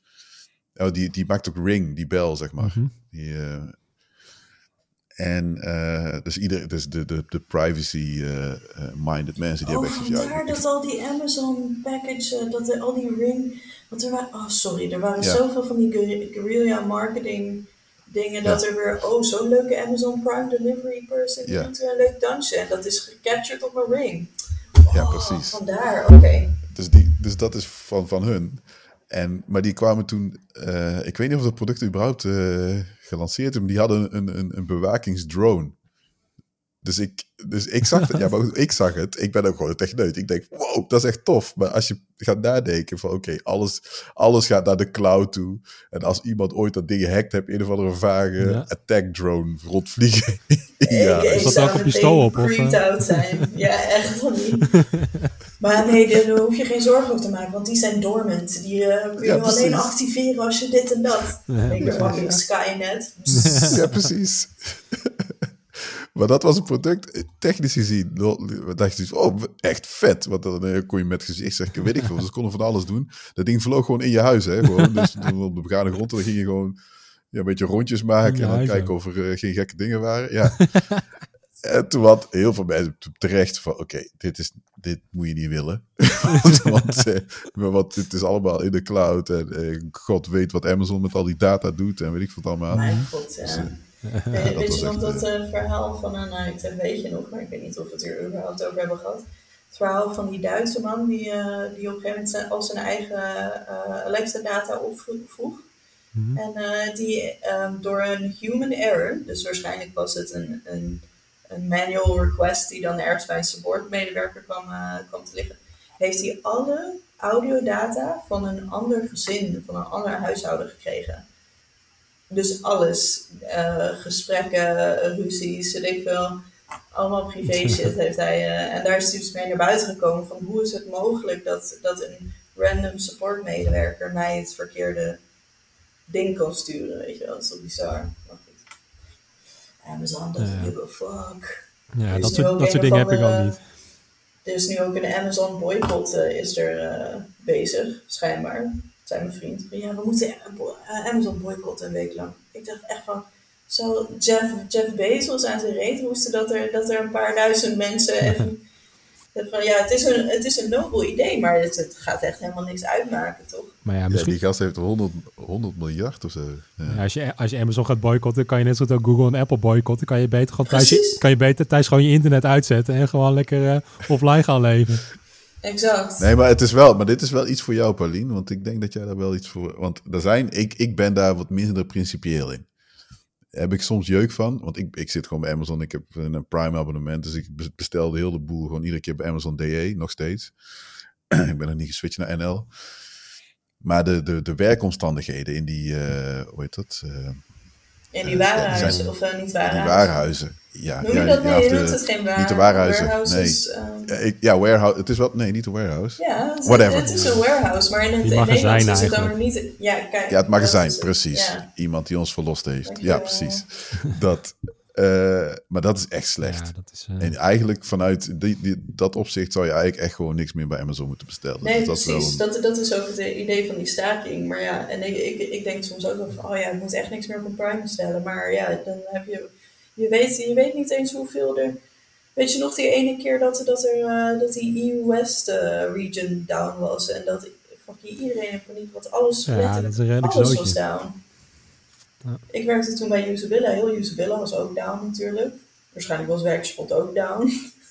Nee, toen zaten we nog op Digital Ocean, dus daar hadden we geen last van. Ah, oké, ja, kijk. Dat werkt. Multi-cloud, jongens. Multi-cloud. Hey, eh, z- zullen we misschien even eh, eh, een dramarubriekje er, erin in mikken? Nou, nog één, mag ik één vraag stellen? Is er iets wat je echt, waar je heel trots op bent met IoT? Waar je denkt van, wow, dat is echt iets wat ik, dat vind ik echt tof. Misschien iets wat je geprogrammeerd hebt of, eh, of whatever. Mm. Ja, ik denk wat ik net zei, dat, dat ik het tofste vind is dat ik die, die zonnepanelen en die, eh, en die meet, omdat dat ook niet echt, dat was er nog niet echt. Tenminste, er waren wel projectjes voor, maar ja, die, die meter uitlezen, dat was allemaal net niet helemaal goed. En die, eh, die zonnepanelen, dat kon je eigenlijk ook niet uitlezen. En dan had je weer, je kan het via hun app doen, maar dan heb je één keer in de 15 minuten heb je data. En ik wil gewoon real-time zien dat, eh, hoeveel ik gebruik.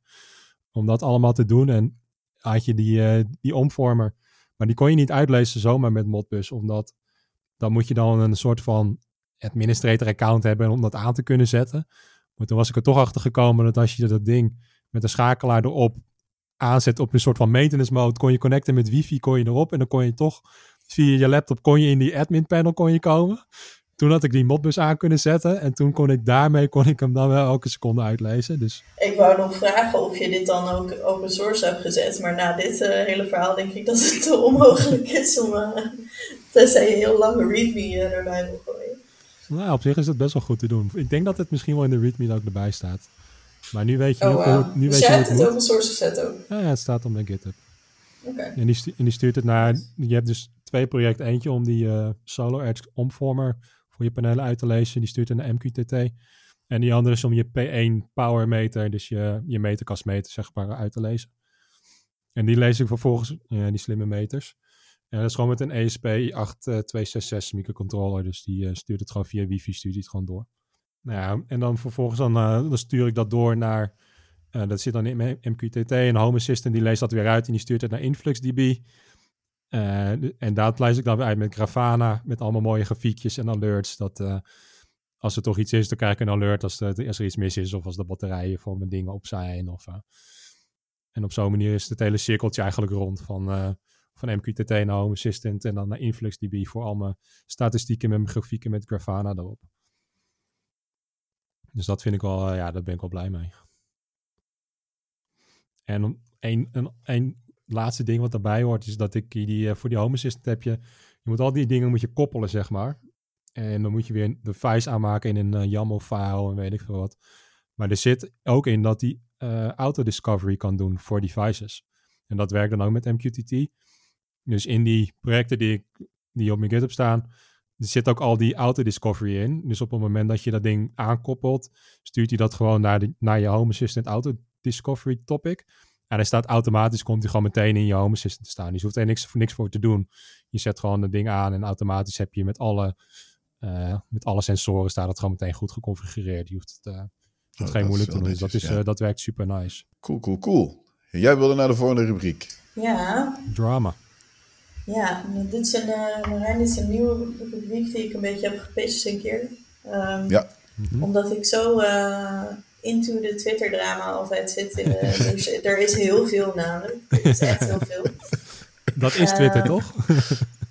ja, best wel. Maar vooral, vooral in tech-Twitter is er altijd wel iets aan de hand. Uh, dan heeft er weer iemand een of andere comment gemaakt waar iedereen over valt. En dan... um, maar om, om af te trappen... Uh, dit is dus de eerste keer dat we, dat, uh, dat we deze doen. En ik wou het eigenlijk hebben over Bunk. Bunk, uh, gebruikt even jullie Bunk toevallig? Ja, nee. sorry. Jij gebruikt Bunk, oké. Okay. Wacht even. Ja, kijk, daar, en laat nu even zijn mooie regenboogkaartje zien. Nou, het wordt uh, lachen, gieren, brullen vandaag samen. ik ik, ik uh, mute mezelf even, ja? ja, is oh, goed. Internetconnectie failure. je, je mag niet uh, hoorbaar cringen. Um, maar het, is, het, is, uh, het zijn een beetje eigenlijk, als je erover nadenkt. We hebben net uh, hadden we een mooi bruggetje kunnen maken van Amazon. wat, en ik wou het eigenlijk zeggen, omdat Bunk is natuurlijk een Amsterdamse bedrijf. Um, gerund door CEO Ali, die ook, um, ik weet even zijn achternaam niet meer. hij was ook hier voor de, de CEO van TransIP. En Amsterdam is nou, best wel een kleine tech-wereld. Dus heel veel ons kent ons. Weet je wel. Ik ken ook mensen die, die bij Bunk uh, werken en bij TransP hebben gewerkt en dat soort dingen. Uh, maar wat mij dus verbaast is dat altijd als ik dit vertel, weet, weet bijna niemand hoe erg het daar is om te werken. Um, en uh, je kunt het allemaal zien op Glassdoor.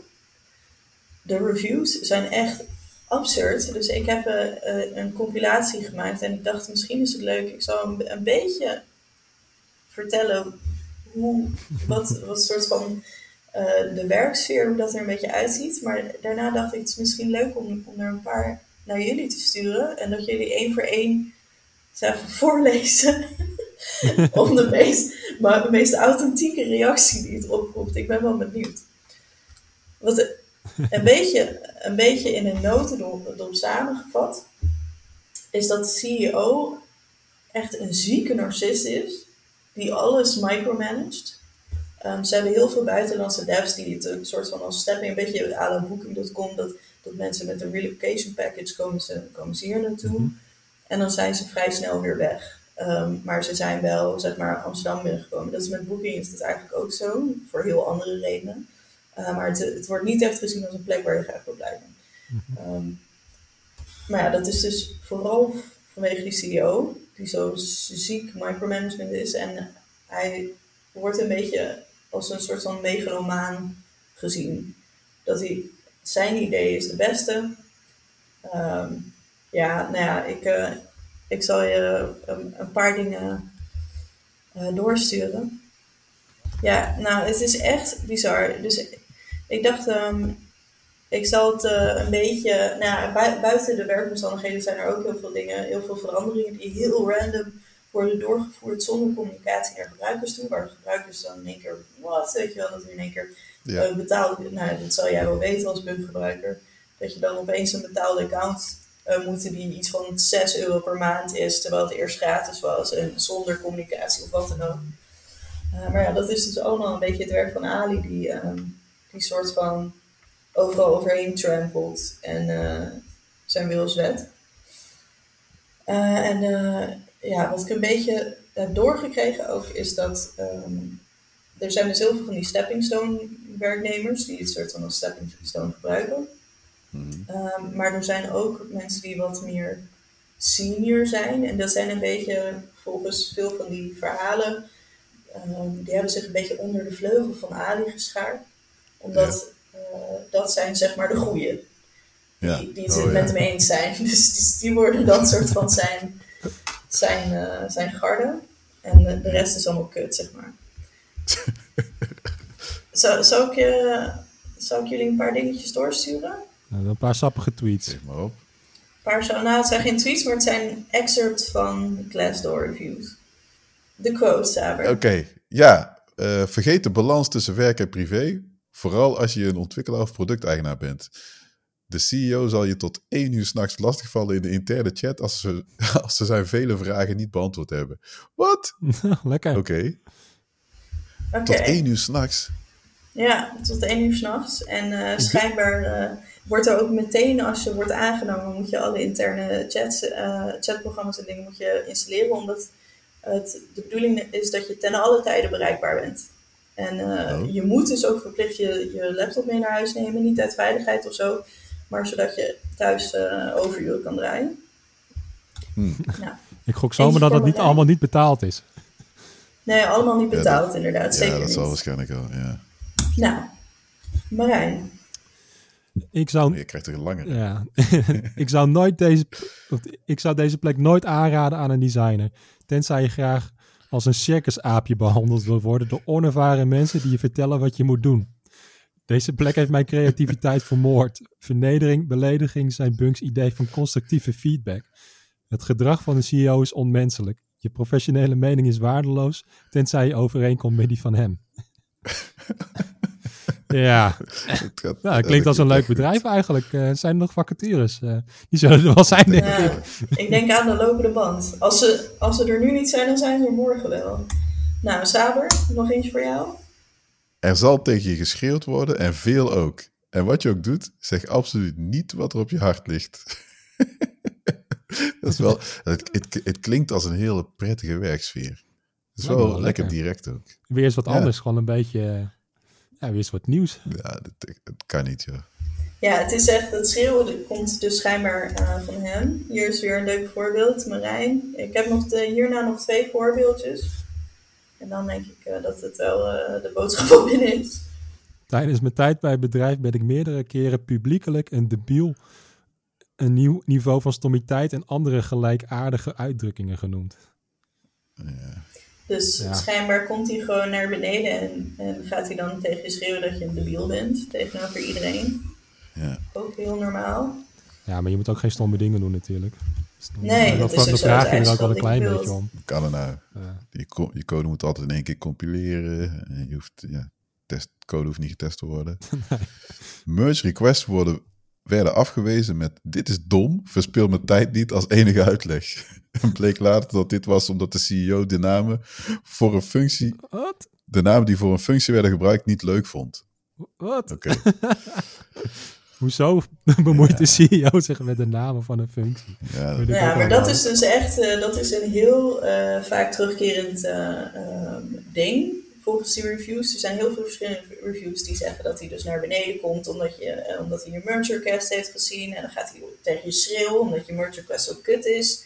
Eh, hij komt naar beneden om te schreeuwen omdat je vijf minuten te laat was. Of omdat je eh, voor zes uur wegging. Want je moet minimaal tot zes uur moet je er zijn. Je moet dagelijks moet je een dagrapport submitten. Maar niet voor zes uur. Want als je dat voor zes uur doet, dan betekent dat als je dat één minuut voor zes doet, dan betekent dat dat je te vroeg weg bent. Ja.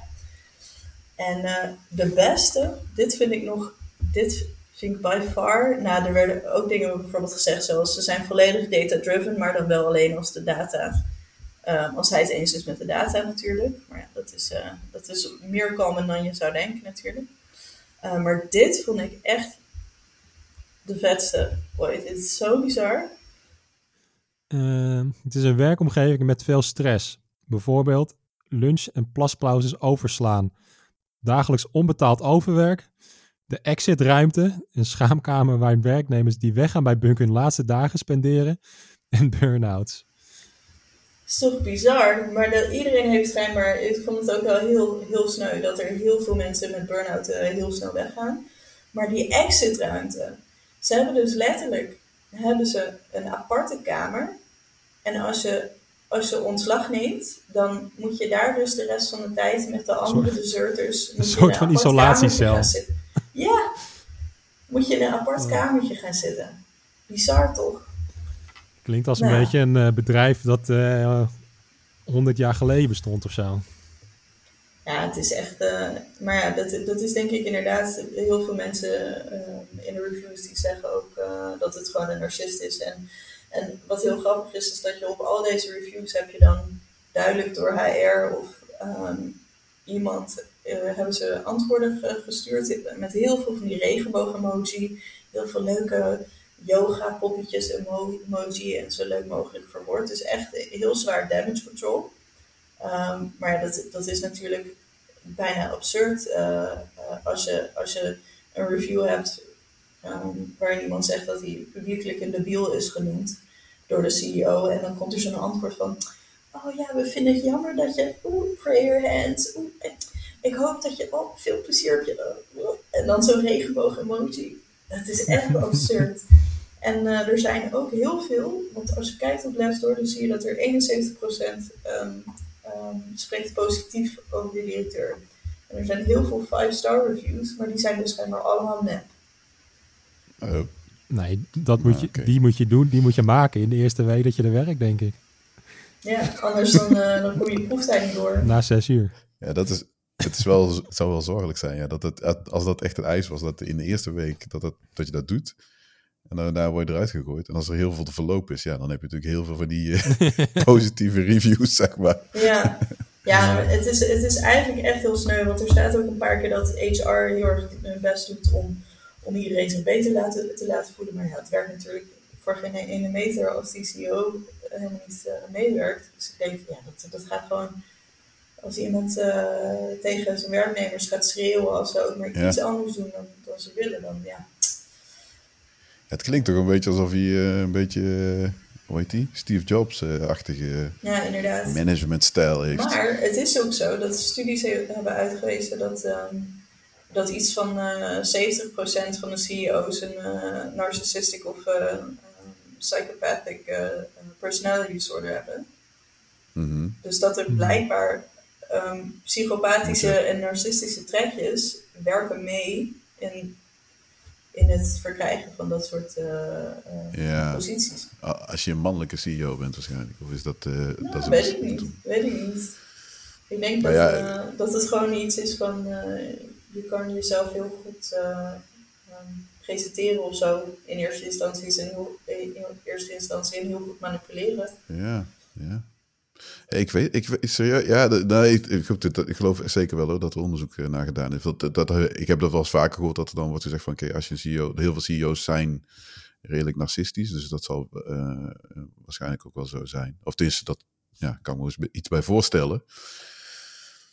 Maar ik, ik vraag me, tenminste, wat ik bedenk, is dan zijn er bedrijven die dus zeg maar niet zo zijn opgezet en die heel succesvol zijn. Ja, maar je hoeft als, uh, als psychopaat of narcist hoef je natuurlijk ook niet per se uh, zo'n uh, brandend schip, zeg maar. Nee. Ja, ja. Het kan natuurlijk ook gewoon zijn, het, sterker nog, het is veel slimmer natuurlijk om, maar ja, nu gaan we een beetje in risky territory, omdat we het over mental mm. health hebben. En daar zijn we natuurlijk geen in. Maar je hoeft niet per se als je psychopaat bent of narcist dat je, dat je per se iedereen gaat martelen of zo je, bent gewoon, je hebt gewoon een doel en dat, dat doel wil je bereiken.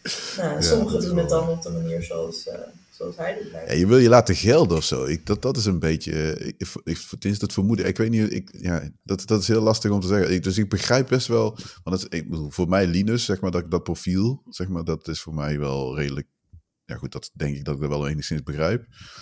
Uh, en, en Linux, denk ik, dat het succesvol, zeker in de beginjaren, dat hij heel erg zo als een, ja, een Hitler, zeg maar, of als een dictator, eh, heeft geregeerd over de Linux-kernel. Ik denk dat dat heeft geholpen. Ja, je wordt dan tussen aanhalingstekens succesvol. Word je liever of beter daarvan? Nee, dat denk ik niet. Want dat, iemand zal nooit zeggen van dat Linux een, een lieve, aardige man is. Dat, dat, dat geloof ik niet. Maar ja, Linux is wel misschien wel daardoor ook succesvol ik weet niet of het succesvol, want je kunt het niet testen, zeg maar, of het succesvoller was geweest als hij wel aardig was geweest. Dat weet je dus niet.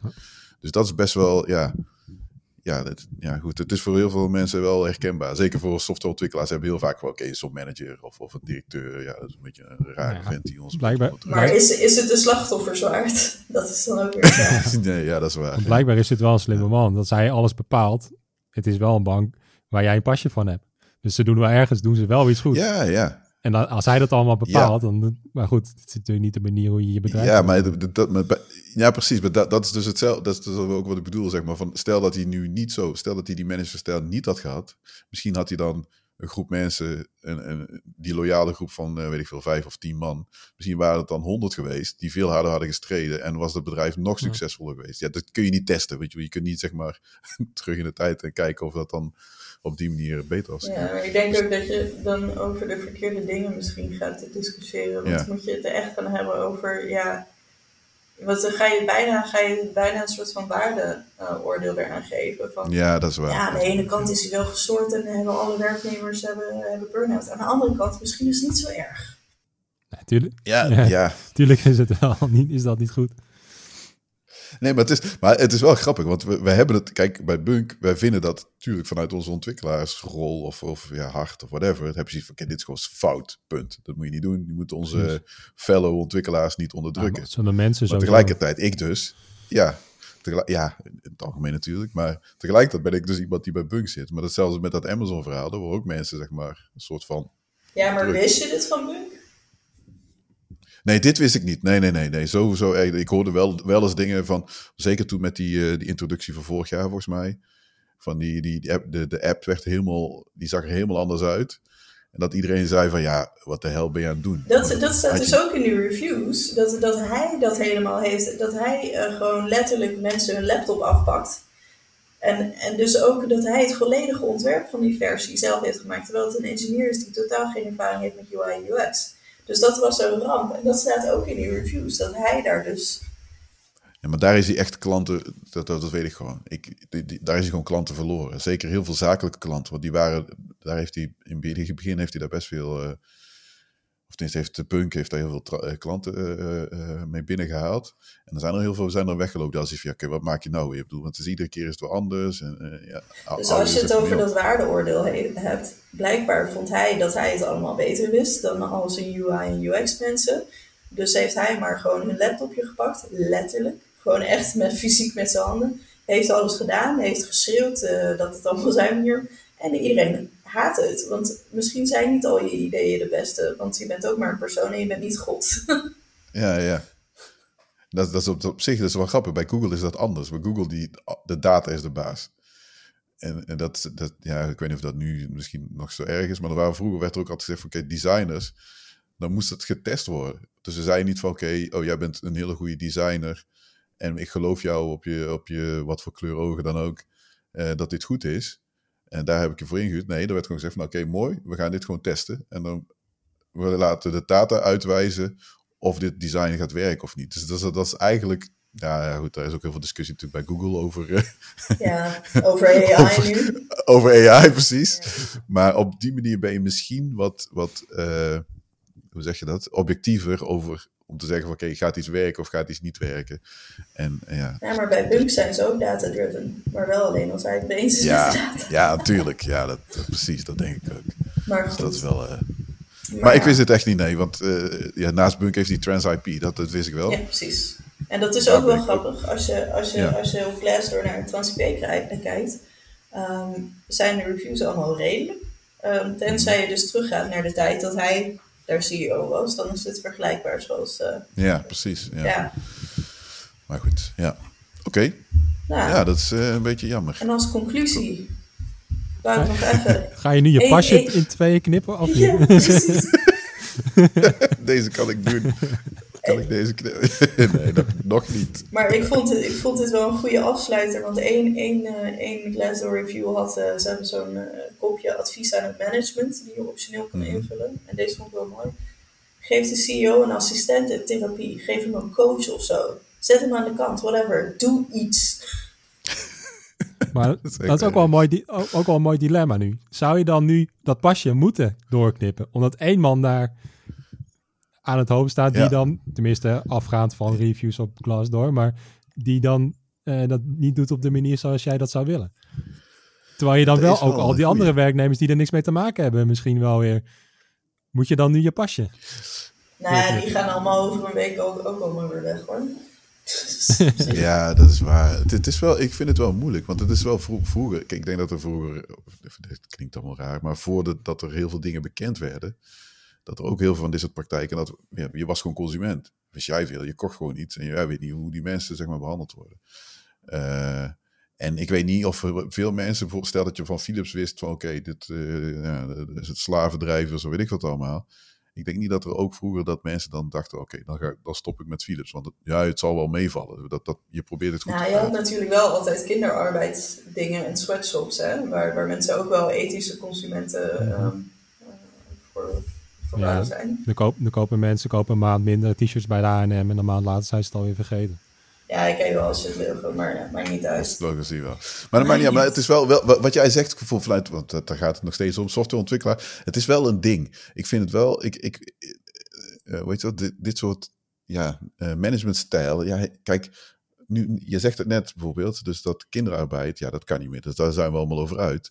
Maar er is niet iets, zeg maar, of, of een, een instantie waar je kunt zeggen, nou, wacht eens even, dit soort, zo behandel je mensen niet.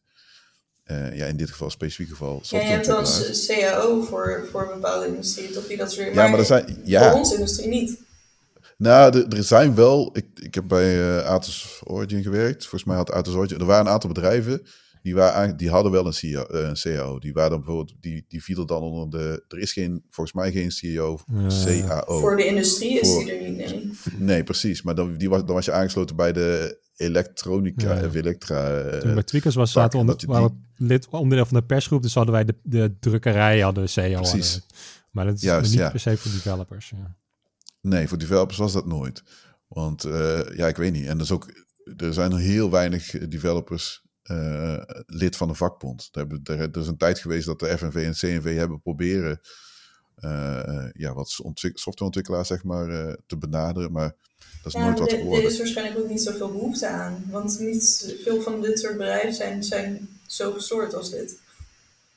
Nee, maar tegelijkertijd is het ook wel zo dat eh, heel veel bedrijven die weten ook, ja, denk ik, dat een, gro- een groep, ik weet niet of de, de meeste of de maar een, groep ontwikkelaars helemaal niet zo mondig zijn. En, en, en dat je ze best wel tussen aanhalingstekens kunt onderdrukken, zeg maar. Dus, eh, maar tegelijkertijd merk je dat dus niet, dat dus niemand daarvan denkt van oké, ik ga toch mezelf aansluiten bij een vakbond. Eh, want ik, ik ben, goed, dat is, wel heel lang geleden, is in 2001 of zo. Ooit zeg maar, bij een bedrijf werd ik boventallig verklaard of zo. Ik, weet, ik, ik moest weg, want eh, ze moesten bezuinigen, weet ik. Ik zei, nou, oké. En toen, ja, het bedrijf was net overgenomen, eh, nou voor de tweede keer. En ja, ik moest weg. Dus ik kreeg zo'n gesprek van een exitgesprek. En toen werd, het echt op een hele nare manier, probeerden ze mij gewoon echt gewoon want ik had een leaseauto, zeg maar, op dat moment. En toen was van, ja, nou mooi, dan mag je dat bedrag gaan betalen. Weet je, en dan, ze, ze zetten je onder druk en ze gingen gewoon wachten totdat ik dan zei, oh ja, oké, dat doe ik dan wel. Terwijl dat in mijn contract niet stond, zeg maar. Dus ze proberen wel echt gewoon mensen ja, oneerlijk te behandelen. En ze denken dan, heel veel softwareontwikkelaars, ja, die, oh, die schrikken ervan. Ja, ik heb ook wel iets soort, soortgelijks trouwens meegemaakt met, met Ja. ontslag. En, eh, Precies, terwijl, terwijl als je bij bijvoorbeeld bij een vakbond of mensen die daar ja, bewust voor kiezen, die hebben zoiets van, ja, nee, het is goed, ik ga eerst even via mijn vakbond kijken of ik dan sterker Maar dat sta. laatst bij Uber toch ook. Eh. dat is toch ook allemaal vieze spelletjes gespeeld met al die ontwikkelaars die naar huis gestuurd werden. dus, eh, Ja, is dat- dat ik ja, niet. niet. Ik Ik heb het wel, dat, dat, dat was het ding Ja. wat we met Google wel, eh, dat is laatst bij Google wel gebeurd met die hele AI-dingen. Maar Uber dus. Ja, dat AI-ding is echt, pff, dat is gekke werk, maar goed. Bij, bij Uber, wat, ja, Ja, vol- volgens mij was het bij Uber, die eh, ging niet allemaal niet zo goed met de crisis. Dus er moesten een heleboel developers moesten daar weg in Amsterdam. Maar die werden ook gewoon heel erg Oh, onder ja. druk gezet om, om eh, contracten te tekenen om, om op te zeggen. Ja. Terwijl ze daar, ja, terwijl het helemaal niet hoefde of weet ik veel wat. Maar in ieder geval nee. super veel druk op gezet. En dat waren ook eh, praktijken waar je niet... maar ja, sowieso is dat ook een bedrijf met die allemaal vieze dingen doet natuurlijk. Dus wat dat betreft past dat Ja, wel precies. Ja, eh, ja. Nou, bij, eh, zeg maar, bij, bij mij was dat eh, eh, ook, ook zoiets dat we, maar dit was bij een fintech startup. Heet Simbit trouwens. Fuck Simbit. Ze zijn nog steeds in business, maar echt waar. Nooit mee, uh, maar goed, maakt niet uit. Uh, in ieder geval, ze, ze kregen een investering niet door. En nou, hoe te doen konden ze ons natuurlijk niet meer betalen. Dus de hele afdeling wordt opgeschort. Maar ja, goed, wat, wat doen zij? Ze komen binnen en ze denken, ik was de enige Nederlandse developer. Voor de rest was er alleen nog één Nederlandse manager, de rest was allemaal expert. Dus zij dachten, oké, we gaan even lekker met die regeltjes gaan we een beetje verwarrend doen. Ze komen binnen met een contract en zeggen, nou, jullie snappen dat we jullie niet meer kunnen betalen. Uh, maar als jullie dit ondertekenen, dan kunnen jullie zo snel mogelijk naar UWV om werkloosheid uh, aan te vragen. Dus dit is het beste voor jullie. Dus ik begon het te lezen en ik dacht van, hallo, maar hiermee zeggen wij gewoon van, oké, je hoeft ons nul salaris meer te betalen. Um, en, en ja, dan kun je wel naar het UWV, maar eigenlijk, we hebben allemaal een tijdelijk contract nog tot het eind van, of uh, tot, tot whenever het is. Uh, dus ik zei ze van, nou, dat gaan we even niet doen, weet je wel. Maar buiten dat hadden ze heel sneaky, en ik had net een hypotheek, was net uh, de bankakkoord meegaan. Heel sneaky hadden ze de datum hadden ze een maand van ervoor gezet. En hopen dat we niet, dus dat we eigenlijk een maand van tevoren al zogenaamd zonder baan zouden hebben. Zodat ze het salaris van die maand, waar we toen in zaten, dus niet meer hoefden uit te, uit te betalen. Zo ziek. Ik zei, waarom, waarom staat het op februari dan? Uh, uh, ja, uh, bla, bla. Nou, we dachten dat het dus niet op zou vallen. Dus ik zeg tegen iedereen van, oké, we gaan het allemaal niet ondertekenen. Toen hebben ze inderdaad gewoon zo lang proberen te wachten, tot wij allemaal geen spaargeld meer hadden. Zodat we zelf aan de werk gingen zoeken. Want zodra je zelf aan de werk hebt, zijn zij helemaal niet meer, hoeven zij dat allemaal niet meer uit te betalen. Dus uh, nou, gelukkig hebben wij het gewonnen. Want het was echt een soort siege. Omdat uh, een van uh, ons, haar, haar advocaat, begon met brieven te dreigen. En toen hebben ze ons toch maar snel uitbetaald. En toen was het klaar. Maar ja, echt super vies. Ja, dat, ja, ik. Ja. Maar dat, dat, dat dus, dus het gekke is ja, dat, dat, volgens mij is die behoefte er best wel dat je gewoon uh, bijgestaan wordt. En volgens mij, ik, ik, ik meen dat ik na dat, zeg maar, dat ik sindsdien toen wel een, uh, hoe heet dat, een verzekering, goed, hoe heet het, rechtsbijstandsverzekering en dan ook, ja, om, om in ieder geval, ja, mocht je zeg maar in zo'n conflict komen, dat je in ieder geval bijgestaan wordt. Ja, precies. is me daarna gelukkig ook niet meer gebeurd, maar het is wel, ja, het is wel fijn omdat dat als je dan in zo'n situatie komt, dat, dat je dan, ja, geholpen wordt ja, dus dat, dus dat is sowieso wel een tip om dan zo'n zo rechtsbijstandsverzekering te hebben die je dan eventueel in, in zulke situaties te, uh, kan helpen. Ja. Uh, ja. Liever niet, maar als je, als je het nodig hebt, dan is het toch wel fijn als je er toch wel eentje hebt. Ja, precies. Want op, op dat moment, dat is ook het grappige, want mij, ik, ik was zeg maar toen, ik moest weg en nog een andere collega van mij ging ook weg en die, die, die kwam dus samen met zijn advocaat, kwam je zeg maar uh, dat gesprek voeren. En ik zat echt, dat was echt, dit was echt bijzonder, want je had zeg maar een soort van good cop, bad cop, zo waren er twee man. En die ene zegt op een gegeven moment, ja, maar je moet wel begrijpen dat wij hier ook het slachtoffer zijn. Dus hij zegt dat en hij ziet mij zeg maar kijken. Die andere man, die ziet, ziet me echt kijken van, oké, okay, uh, ik moet nu ingrijpen, want nu wordt hij echt boos. Want ik dacht van, waar haal jij het vandaan, joh? Want ik stond echt op het punt om te zeggen, wat voor malo ben jij nou weer? jij bent het slachtoffer. Maar, zeg, jij, jij had je niet zoveel inlevingsvermogen dan? ja, precies. Dat, dat. ik had echt zoiets. Oh ja, je hebt gelijk. Hier, hier heb je mijn uh, salaris met terugwerkende kracht heb je weer terug, joh. Want ik, ik, snap, ik voel de pijn. Zal ik nog wat spaargeld ja, overmaken naar jullie anders? ja. Zo mooi. Oh, toch op, man. Aan onze kant dat... hadden wij uh, de, de CFO hadden we bijna tot tranen. Hij kreeg tranen zo omdat ze zo hard waren, want ze pakte niet meer bezig. Ja, ze zijn nu wel de slachtoffers. Ja, ja uiteindelijk denk ik ja, dat dit soort situaties niet heel veel winnaars zijn. Nee. Nee. Nee, nee, natuurlijk niet. Maar je moet daar wel, weet je, ja, maar, ja, wel fatsoenlijk mee omgaan. Ja, precies. Fuck hun. Echt, uh, maakt mij echt niet uit. Want uh, als je mensen probeert te playen op die manier... Nee hoor, dat bij mij niet. Maar goed, dit was de drama-rubriek. ja, zeker, zeker, zeker. Ja, we hebben nog een onderdeel. Ik heb... Uh, ik ben echt de tapmaster. Niet normaal. ik verlies altijd. Ik zit altijd te zoeken en dan, oh shit, dit is de verkeerde. 20 winnaars met 200 taps. Ja. Je hebt ook een browser Ja, dat je kan je twee rijen tabs onder elkaar krijgen nu, hè? Dat is misschien wel wat.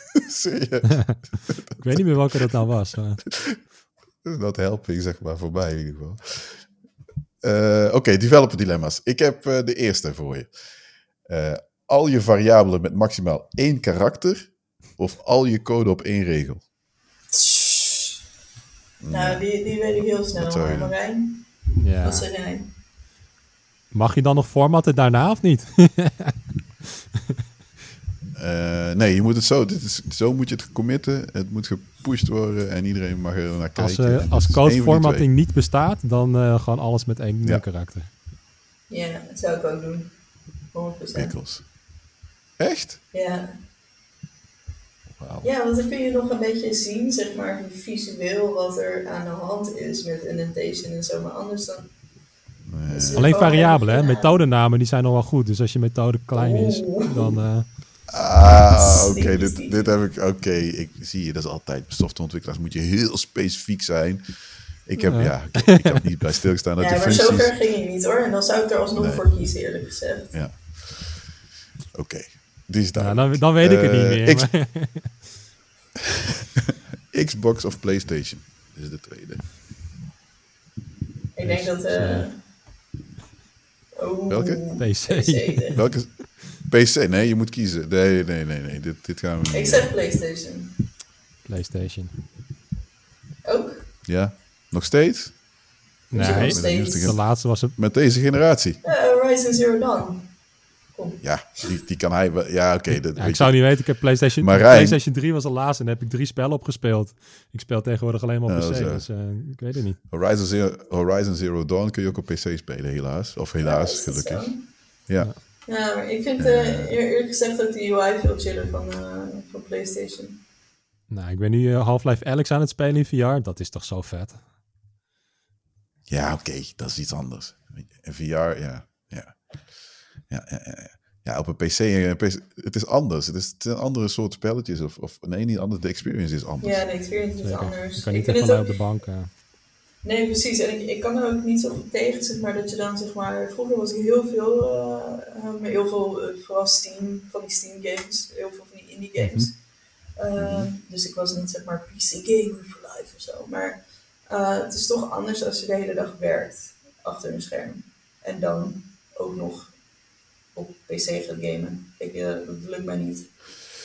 Ehm, ja, wat moet ik nou zeggen? Ja, nou, kijk, ik vind het tricky, want ik, ik heb nu mijn, mijn PC heb ik, eh nou, tig keer gezegd, maar die is niet, die heb ik in december heb die gebouwd. In eerste instantie gewoon omdat ik thuis ging werken en ik denk, weet je wel, dan heb ik een snelle PC, eh, nou, redelijk, nou, niet, gewoon een goede grafische kaart zit erin, dus ik kan nu ook gamen.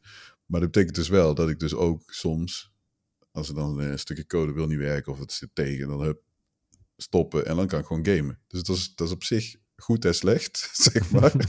Want maar gelukkig speel ik niet spelletjes die heel erg, ja, waar je echt urenlang in kunt. Dus dan kun je tien minuten spelen of een half uur of whatever. Maar op zich is dat is wel weer wel, wel oké. Maar goed, dat kun je met de PlayStation natuurlijk ook. Als je niet naast je, p- je, je scherm hebt staan of zo. Of, of naast je scherm, naast je werk eh, eh, laptop of zo. Kun je ook gewoon heel snel eh, op, een, eh, op een PlayStation of een Xbox. Ja, en dat hebben we nu allemaal. Ja, zeker. Yep. Eh, de laatste. Eh, onbeperkt geld om een oplossing te ontwikkelen. Of onbeperkt beschikbaarheid van ontwikkelaars. Hoef het zeg maar Ja. onbeperkte ontwikkelaars of onbeperkt. Ja, de beschikbaarheid. Dus stel dat je, je moet iets bouwen en je hebt, nou ja, dat, dat kan natuurlijk niet, maar je hebt de, de, de, de- ja, de, de beschikbaarheid van ontwikkelaars is niet de bottleneck. Dus je kunt net zoveel ontwikkelaars zijn, maar je hebt niet genoeg geld. Ik zou het geld kiezen. En gewoon zelf doen. Oh? In je eentje. ja, hoe ga je het zo- Ja. ja, in je eentje. Je kunt toch niet alles zelf doen? Jawel, ik ga ergens op een eiland zitten en ga gewoon. Je hebt toch geld zat. Ja. Ja, als, je, ja, als je al het geld hebt, dan maakt het niet Dan uit. hoef je niks te maken. Klopt. Dat doe je toch voor je plezier. Dat is wel waar. Ja. Je moet die. Deze dilemma's zijn echt flawed. Ja, ik, ik ga Ja, met Paulien ik mee. Ja, nou, je mag voor mij gewoon naar, naar een eiland en gewoon, maar je moet iets opleveren. Dan moet een oplossing uitkomen. Je gaat niet in je eentje alles ontwikkelen. Naar Terschelling. je Nee, kunt toch niet dat- hoe kan je onbeperkt developers hebben als je geen geld hebt dan? Ah, de- eh, Nee, dit ja, is dat- fantasiewereld. Het- Dat is een fantasiewereld. Dus je, je bedoel, dan kom je natuurlijk in een probleem. Dus dat heeft Bunk misschien ook gehad. Dat je niet genoeg geld hebt om al die ontwikkelaars te betalen. Want hè, je hebt, stel dat je duizend ontwikkelaars binnenhaalt. Ja, dan moet je ze wel kunnen betalen. Maar even... Dan moet je gewoon dus schreeuwen totdat ze blijven. ja. maar je moet iets opletten. Ik zou, kijk, voor mij is de schaarste niet geld, maar de schaarste zit aan ontwikkelaars. Je, kunt, je hebt niet onbeperkt, nou sterker nog, je hebt niet eens beperkt eh, eh, eh, ontwikkelaars tot je beschikking. Terwijl geld is, zeker in Nederland, nou, niet, dat lijkt niet altijd zo, maar het geld is niet per se de, de bottleneck. De bottleneck is van ja, ik, je hebt gewoon niet genoeg ontwikkelaars. Ja, of de bottleneck is, je hebt te veel ontwikkelaars die niet goed, goed kunnen samenwerken. Waarop ik dus zeg, geef mij een Greenfield pro- project die ik in mijn eentje moet doen en onbeperkt geld en ik doe het. Maar je moet wel wachten, want ik moet wel, ik moet wel alle DevOps shit leren nog. Ja, precies. Dat moet wel iets opgeleverd worden, weet ik veel. Ja, ik heb geen deadline of Maar zo. uiteindelijk, als je, je, moet kan geld hebben, maar als je geen developers hebt, dan komt er ook niks uit. Dus eh, Nee. Maar je hebt één developer, jezelf. Dan ben jij. Ja, klaar. Ik snap het probleem niet zo. ik ga ook wel lekker naar de Schelling hoor. Nee, ik zou. Ik, nou ja, goed. Als het aan mij ligt. Nee, natuurlijk, als je je eentje kunt doen. Maar ik heb gewoon. Ik, heb- ik kan misschien iets niet. Weet ik veel. Die, je had het net over Elasticsearch. Daar heb ik geen kaas voor gegeten. Dan gaat me niet lukken misschien. En eh, weet ik veel. Dan heb ik gewoon iedere. Ja, maar dan heb je toch gewoon geld om die certi- eh, certification te, te halen. En dan doe je dat gewoon. Ja. Wel vanaf Terschelling voor de goede orde. Het zou niet Terschelling zijn. Dan zou ik gewoon zelf een eiland kopen. Kopen. Je hebt toch geld. Tessel of zo. Ja, precies. kopen. Ik zou er een maken. Ik bedoel, als je toch. Dus maak gewoon een eiland. Nog net Oh even ja. dicht erbij. eiland. Flevoland. Je hebt al het geld in de wereld, maar maak je Flevoland. Oh ja. Ja, het is wel lekker, wel lekker in de buurt. Dat is geen gek idee hoor. Dat is trouwens wel grappig. Er- zijn de bepaalde boeren. Ik weet niet wel. Een van de boerenorganisaties had gezegd: hey, weet je waarom? Of, eh, weet je waarom? Weet je, zullen we een stuk van de zee opspuiten en laten we daar gewoon gaan boeren? Ik dacht: hey, misschien is het wel een idee om daar een soort van Silicon Valley te maken. Want we hebben best, dat is best bijzonder. Dat had ik, wist ik niet eens. Nederland heeft best wel een stuk eh, zee, zeg maar, wat ze mogen claimen. Dus daar zou je best, ja, best wel een groot stuk eh, zee wat van ons is. En daar zou je best wel een stuk land eh, neer kunnen zetten. Dus mooie Silicon Valley in de zee. Silicon Valley in de zee. Dat klinkt echt als een... zee. een eh, Slechte Silicon. Island. Silicon Island, ja precies. Dat klinkt als een zeer, dat is niet goed. Wat een eh, geweldige idee hier weer. Ja. Zo, kon denken Ja, omdat ja, het ja. zo laat is. Ja, dat denk ik wel. Maar goed, dat waren de developer dilemma's. Misschien waren ze dit keer kwalitatief wat minder, maar dat maakt even niet uit. De floors zijn er meteen ze- uitgepikt. Eh, dan hebben we nu nog een eh, onderdeel, tips. En eh, ja, goed, als ik er geen heb, dat hoeft niet erg te zijn. Misschien hebben jullie tips. Het mag echt van alles zijn. Tip voor softwareontwikkeling, eh, sites of whatever, muziek, films, whatever. Ja, hebben jullie die? ja, ik heb wel eentje denk ik. Waar het al eerder over gehad hebben, over andere programmeertalen. Ik denk voor softwareontwikkelaars is het denk ik wel goed om af en toe gewoon ander taal, ander paradigm in te duiken. Omdat je gewoon wel vaak ziet dat je daar weer iets kan leren die je dan weer in je andere main programmeertaal, zeg maar, weer toe kan passen. Want een voorbeeldje had ik, eh, was ik met Android, als ik development was ik bezig en daar hadden ze weer bepaalde callbacks waar ze een, eh, een methode weer in, in gaven die dan weer aangeroepen werd. Maar die gaven ze een interface mee, zodat je precies wist wat je aan kon roepen daarin. En dan kwam ik later in mijn werk, had ik iets tegen, dat ik ergens een callback nodig. Ah, ik weet, ik kan in plaats van alleen gewoon een anonymous functie, kan ik ook een interface eraan meegeven, zodat ik wat meer weet wat ik er nou precies verwacht en hoe ik dat kan doen. En, op zo'n manier kan je dan toch wel weer dingen leren van andere talen en andere paradigms. En dat kan je, kan je wel weer verder brengen. Nou, als eh segue van dat, ik weet eigenlijk niet of ik dit ooit al een keer bij de tips en checks heb meegegeven, maar, maar als je het hebt over andere paradigms leren, als er nog iemand, eh, net als ik wil, eh, ook een beetje omgeschoold worden naar moderne JavaScript, want eh, ja, ik denk dat er heel veel mensen nog eh, van ooit jQuery kennen, maar, maar dat ze veel verder nooit meer zijn gekomen. Ehm, er is een hele goede cursuswebsite door Tyler McGinnis. Dat is UI.dev. En de license zijn wel iets van 250 dollar of zo per jaar. Maar het is, ja, maar het is het echt, ja, niet per maand. Nee. Uh, per decennium. Uh, nee, maar het zijn echt heel goede cursussen, want hij heeft, um, um, nou niet want, het zijn gewoon heel erg goede cursussen. En hij heeft er heel veel. Hij heeft uh, Modern JavaScript, waar hij dus ook heel erg uitlegt van wat is nou dat hele IS gebeuren, wat houdt dat nou in. Um, hij heeft uh, React, hij heeft Redux, hij heeft React Hooks. Dus ja, het is uh, allemaal heel uitgebreid en uh, echt worth it, zeg maar, als je het aan mij vraagt. Oké, okay, cool. Gaan we opnemen. In de show notes. Ja, verder, verder heb ik niet super veel. Marijn heeft een receptenboek wat eruit komt binnenkort. Geef de tip maar, Paulien. Oh, oké. nou, Marijn, Marijn is uh, buiten techneut, is uh, hij, hij ook heel erg van het koekerellen. Hij kan heel goed uh, koken en hij doet van alles, zoals zijn eigen vlees curen en ik, bedoel, ik weet niet hoe je dat noemt. Maar echt? ja, hij doet echt heel veel zelf. Weet eigen je, bacon klinkt, en worst en dat soort dingen. Het Nederlands woord voor curen, het Engelse woord vind ik op zich nog oké. Okay. Maar Nederlands is toch besterven? Ik zou niet eens, ik zou niet eens weten hoe dat heet in het Nederlands. In het Nederlands heet besterven. Drogen denk ik gewoon. Nee, nee, besterven. Sorry jongen. Ik, ik, ik, hier, besterven van het vlees is smakelijk en mals laten worden van meestal rundvlees of wild. En vooral het werk van enzymen in de spiervezels. Oh ja, maar dat is mals maken. Dat is niet helemaal wat het Ja, maar dat is, dat is, zeg maar, dat is zeg maar nadat het geslacht is dat je het dan laat, laat rijpen. Maar cure is, dat is echt gewoon met, uh, met zout gewoon droge worsten of, uh, of hammen maken. Hebben gewoon pekelen inderdaad. Dus dat is echt droge. Dan heb ik het gewoon verkeerd, ja.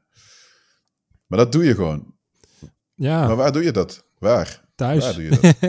ik heb een koelkast, ik heb een koelkast okay. omgebouwd en ik heb er een gat in gezaagd met een ventilator erin. En sensoren erin en uh, weer met een Arduino'tje heb ik, uh, staat ook op mijn GitHub, uh, kan je, gewoon temperatuur wordt gecontroleerd en die houdt hem tussen de 12 en 15 graden op een bepaalde luchtvochtigheid. En, Marijn, Marijn heeft een receptenboek met allerlei recepten die uit zijn familie zijn en, en van, van vrienden uit verschillende culturen en het heet Recepten uit de Liststraat. En hij heeft een proefdruk, geloof ik, al die zien. Nee, we zijn sinds dat heeft corona dan wel weer gebracht. We zijn in eh, januari ongeveer vorig jaar. Nou, ik had al heel lang had ik al een receptensite eigenlijk. Die bestaat al, denk ik, 12 jaar of zo. Dan uh, was ik jarig en dan uh, mocht, mocht mijn moeder, of mijn moeder maakte altijd twee taarten voor mij. En ik mocht altijd kiezen wat dan ik wilde voor taarten. Dat was altijd makkelijk en dat was altijd moeilijk. Dat is altijd appeltaart en dan nog iets anders. En dat was dan moeilijker, want dan moest ik kiezen. Maar appeltaart, dat wilde ik altijd. Dus ja, ging, ik ging het huis uit en dan kwam mijn familie. Ja, dan moest ik natuurlijk appeltaart maken. Dus ik belde mijn moeder op, wat is het recept? Dit is het recept. Volgend jaar, hé hey mam, wat was het recept ook alweer? Oh ja, dat is dit en dit. Derde jaar denk ik, oké, nu moet ik iets doen. Dus toen, uh, ja, je bent ontwikkelaar, dus een WordPress in elkaar ge, gehangen. En toen ben ik daar recept op bij gaan. Maar ik wilde altijd al eigenlijk een kookboek maken. Dus ik heb nu uh, dit jaar, vorig jaar dan zijn we begonnen om uh, foto's van te maken van de recepten, ze beter uit te schrijven, ze nog een keer te maken, kijken of het allemaal wel klopt. Want ja, ik ben ook wel vaak van koken en dan gooi je er gewoon wat in en nooit op smaak. Maar ja, in een kookboek moet het kloppen. Dan moeten mensen wel weten. Als Pauline uh, de kip merengo wil maken, moet ze weten hoeveel erin moet en hoe lang dat moet. Dus alles opnieuw maken. Nou, goed ik uitgeschreven. er ook en, gewoon een soort van bij meestal. Nou, maar dat is ook heel goed. Dat is ook heel Precies, goed. zo hoort het. Dus, dat, staat ook in, dat staat ook in het boek. Het is een soort van leidraad voor uh, allemaal lekkere dingen. Dus er staat van alles in. Inderdaad, gedroogde, gedroogde ham die, en de worsten die ik maak. Maar ook gewoon uh, pasta, risotto, risotto pizza's, uh, vegetarisch vlees, vis, alles. Toet, toetjes, alles komt aan bod. Al mijn favoriete dus, die recepten. website om, om te pre-orderen gaat in de show notes. Ja. Ik ga één ding. Ik heb een beef met iets. Dan ga ik je zo uitleggen. Ik hoop niet dat... Nou, dat hoef ik niet uit te leggen. Staat er een, een, een gerecht in, een shakshuka gerecht in? Even een vraag. Nee. Zeg je dat iets?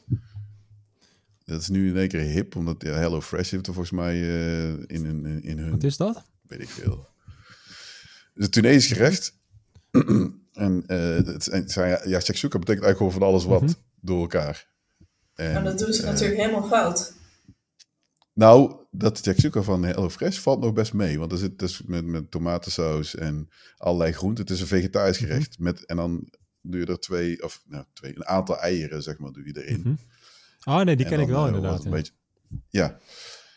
Eh, en HelloFresh zegt dat het een Israëlisch gerecht is. Dat is pijnlijk voor Tunesiërs. maar dat zal allemaal wel. Geclaimd, eh, want er is. Ja, nou ja, ik snap het wel, zeg maar. Omdat er in de jaren. Ja, goed, na de. Weet ik veel, Zevendaagse Oorlog, zeg maar. Palestina, Israël, Allah. zijn er heel veel eh, Joodse eh, Tunesiërs. die zijn naar Israël toegegaan. Dus die hebben al die gerechten meegenomen. Wat normaal is, zeg maar. Mhm. Dat is dus verder niet van. oké, je mag wel gaan zonder. maar je neemt die gerechten niet mee. Dat kun je natuurlijk niet. dat kun je niet eisen. Maar goed, dus couscous is op die manier in Israël terechtgekomen. En die shakshuka ook. Maar toen zeiden ze van ja, maar dat is een Israëlisch gerecht. Ik Nee, dat is geen Israëlisch gerecht. Dat is een Tunesisch gerecht. En, maar je ziet hem nu ook gemaakt worden met allerlei groene dingen. En ik heb zoiets van, joh, dat is geen Dan noem je het Het zo niet rood meer. zijn, toch? Toch gewoon niet... Ik heb, Ja, hetzelfde, precies. ik heb hetzelfde gevoel met de pokeball. Als je ziet hoe een echte Ja. pokeball eruit ziet, dat ziet er Ja. zo lekker uit met die vis en dat fruit, dat ziet er zo lekker uit. En dan heb je al die kut pokeball afhaal dingen Ja, dat is ja Het ziet precies. er echt niet uit gewoon. Dus ik was even, even testen of dat in Maar- jouw eh, eh, receptenboek eh, Er staat wel een ander Tunesisch recept in. Tenminste, als het Tunesisch is. Welke? Kassakroet heet het volgens mij. Oh, Keskroet. Hoe, hoe spreek je het uit? Ja, tuurlijk. Kes, het is een Frans woord. Ja, maar er er was ook een, er was, dat, was ook, dat, dat is ook die lunchplek bij, eh, bij het Franse kantoor. Het ook, eh, die heet Klasgoed.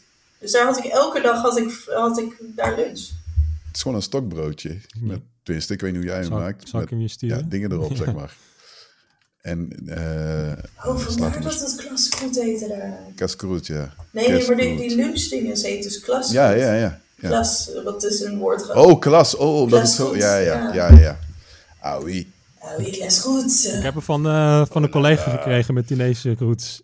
Ik heb hem je gestuurd. Ja, kan je kijken of het, ja, of dit is het- een of kaskroet. ermee te maken heeft. Dit klopt. Oké, kijk. dit klopt ook. Ja, hoe het eruit ziet, dit is... Dit is ja. Dit is trouwens wel mooi. Je hebt het wel, is dit jouw eigen foto of Ja, niet? ja. Dit is wel heel mooi gefotografeerd. eh, heel fotogeniek. Die eieren, die zet je er wel... Kijk, in Tunesië gaat het, als je het eet, zeg maar, als je naar Tunis of weet ik veel gaat en je gaat op straat halen, in kaskroet ziet het er niet zo netjes uit. Nee, ja. Maar, Dus- maar het is wel... Dit, Er staan ja, ook hamburgers cool. in. En Ja. dan, eh, dan, zeg, dan deel ik die al eens op Slack op, eh, op de zaak. En dan zeggen ze, oh, dat is, ziet er zo goed uit. En dan zeg ik, ja, ik zal even een foto laten zien van mijn telefoon. En dan zeggen ze, oh ja, zo ziet het er thuis ja. uit. Nou, dus ja, weet je wel. Als je een klein beetje moeite ervoor doet, dan is nou ja, eenmaal een beetje... Nou, moet ik eerlijk zeggen, als het bij mijn moeder... Nou, die, die niet dit. Ja, ze, ze heeft... Shit, eh slaat het blanquiet. heet het. Dus dat, noemt, dat is eigenlijk gewoon stokbroodje, zeg maar. Mhm. Door de... eh, je krijgt dan gewoon... De, ja, hoe zeg je nou? De verticaal gesneden. Niet zo, zeg maar, maar dan eh horizontaal Mhm. gesneden. Dus krijg je gewoon schijfjes. En daar doet ze zeg maar dan ook dit soort groenten op. En, en, en dan krijg je dus kleintjes, Ah, zeg ja. maar, als het ware. Lekker. Dat noemt mijn moeder, slaat, slaat het blanquiet. Dus, en dus, en dat, die zien er ook zo... Dat, ja, dat is ook wel fotogeniek. Maar Maar- goed, ik, ik kan echt niet koken. Mijn moeder en mijn vader ook trouwens, die kunnen eigenlijk wel. Maar dit, ziet er echt, dit is echt super lekker. Ja, maar goed. Eh Marijn, dankjewel. Eh heel interessant. Ik eh, ga het kort houden, want anders heb ik eh, straks echt ruzie met Paulien. Dus voor de luisteraars, bedankt voor het luisteren. Ja, je kunt altijd ons nieuws vinden via, het is ons weten te vinden via codeklets.nl. Via Twitter, apenstaatje codeklets, kun je ons ook volgen. En onze Slack. Je kunt via codeklets.nl kun je heel makkelijk op onze Slack terechtkomen. En daar kun je met ons gewoon chatten over allerlei dingen over softwareontwikkeling. En eventueel eh, feedback geven over afleveringen of whatever eh, waar je maar wil, over wil kletsen. Dat was hem weer. Dankjewel. En eh, tot de volgende keer. Doei. Doei.